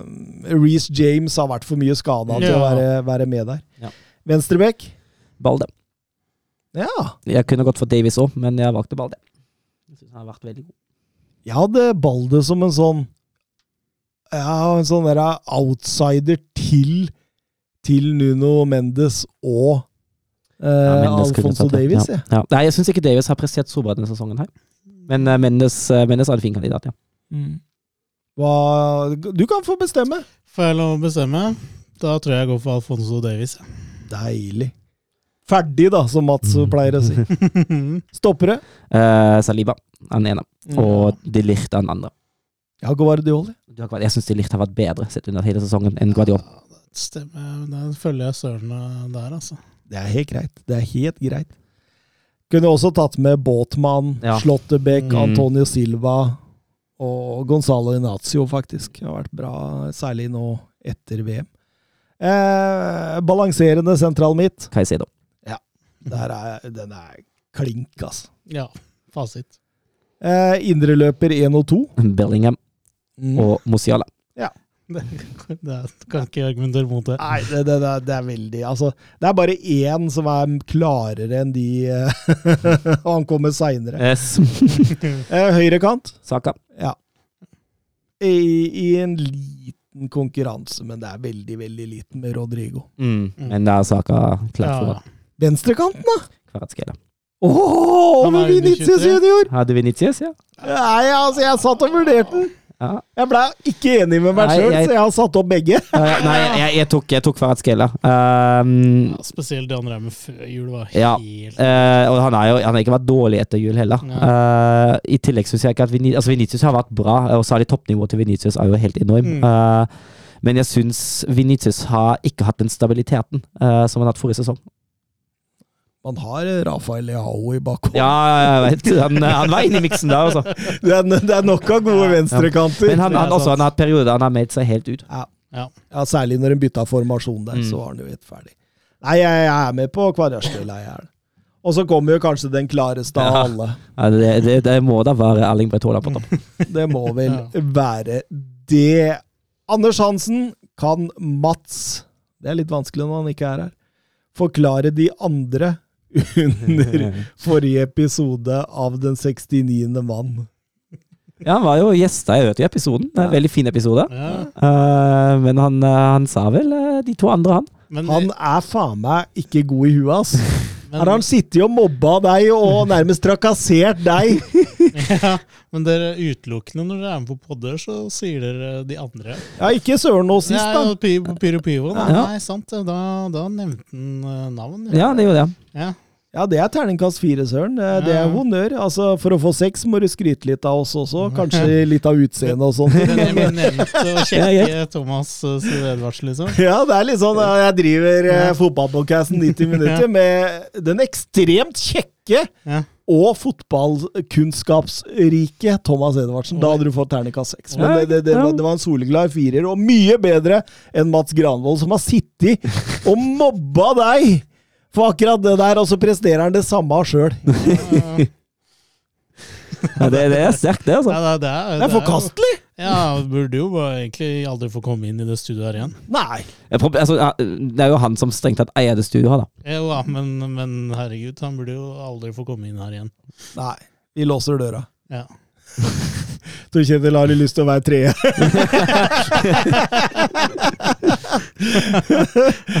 da må du bli med på livepod på Det er, en- det er en grei gulrot, så klart det. Nei, jeg tror det er greit at vi slipper han inn, ja, for hvis ikke så er det så mye han skal skyte på, han godeste Mats. Så, så la, la ham komme inn her. Plutselig hadde han følt at han fikk god tid. Nei, men Det er bra, det, gutta. Vi klarte oss under to og en halv time. Det var egentlig målet mitt når jeg så vi hadde brukt nesten to timer på de tre første ligaene. Nei, det tar tid å avslutte. Det gjør det. Det gjør det. det, gjør det. Men eh, nå er vi ferdig. Yes. Adjø. Ha det. Adjø.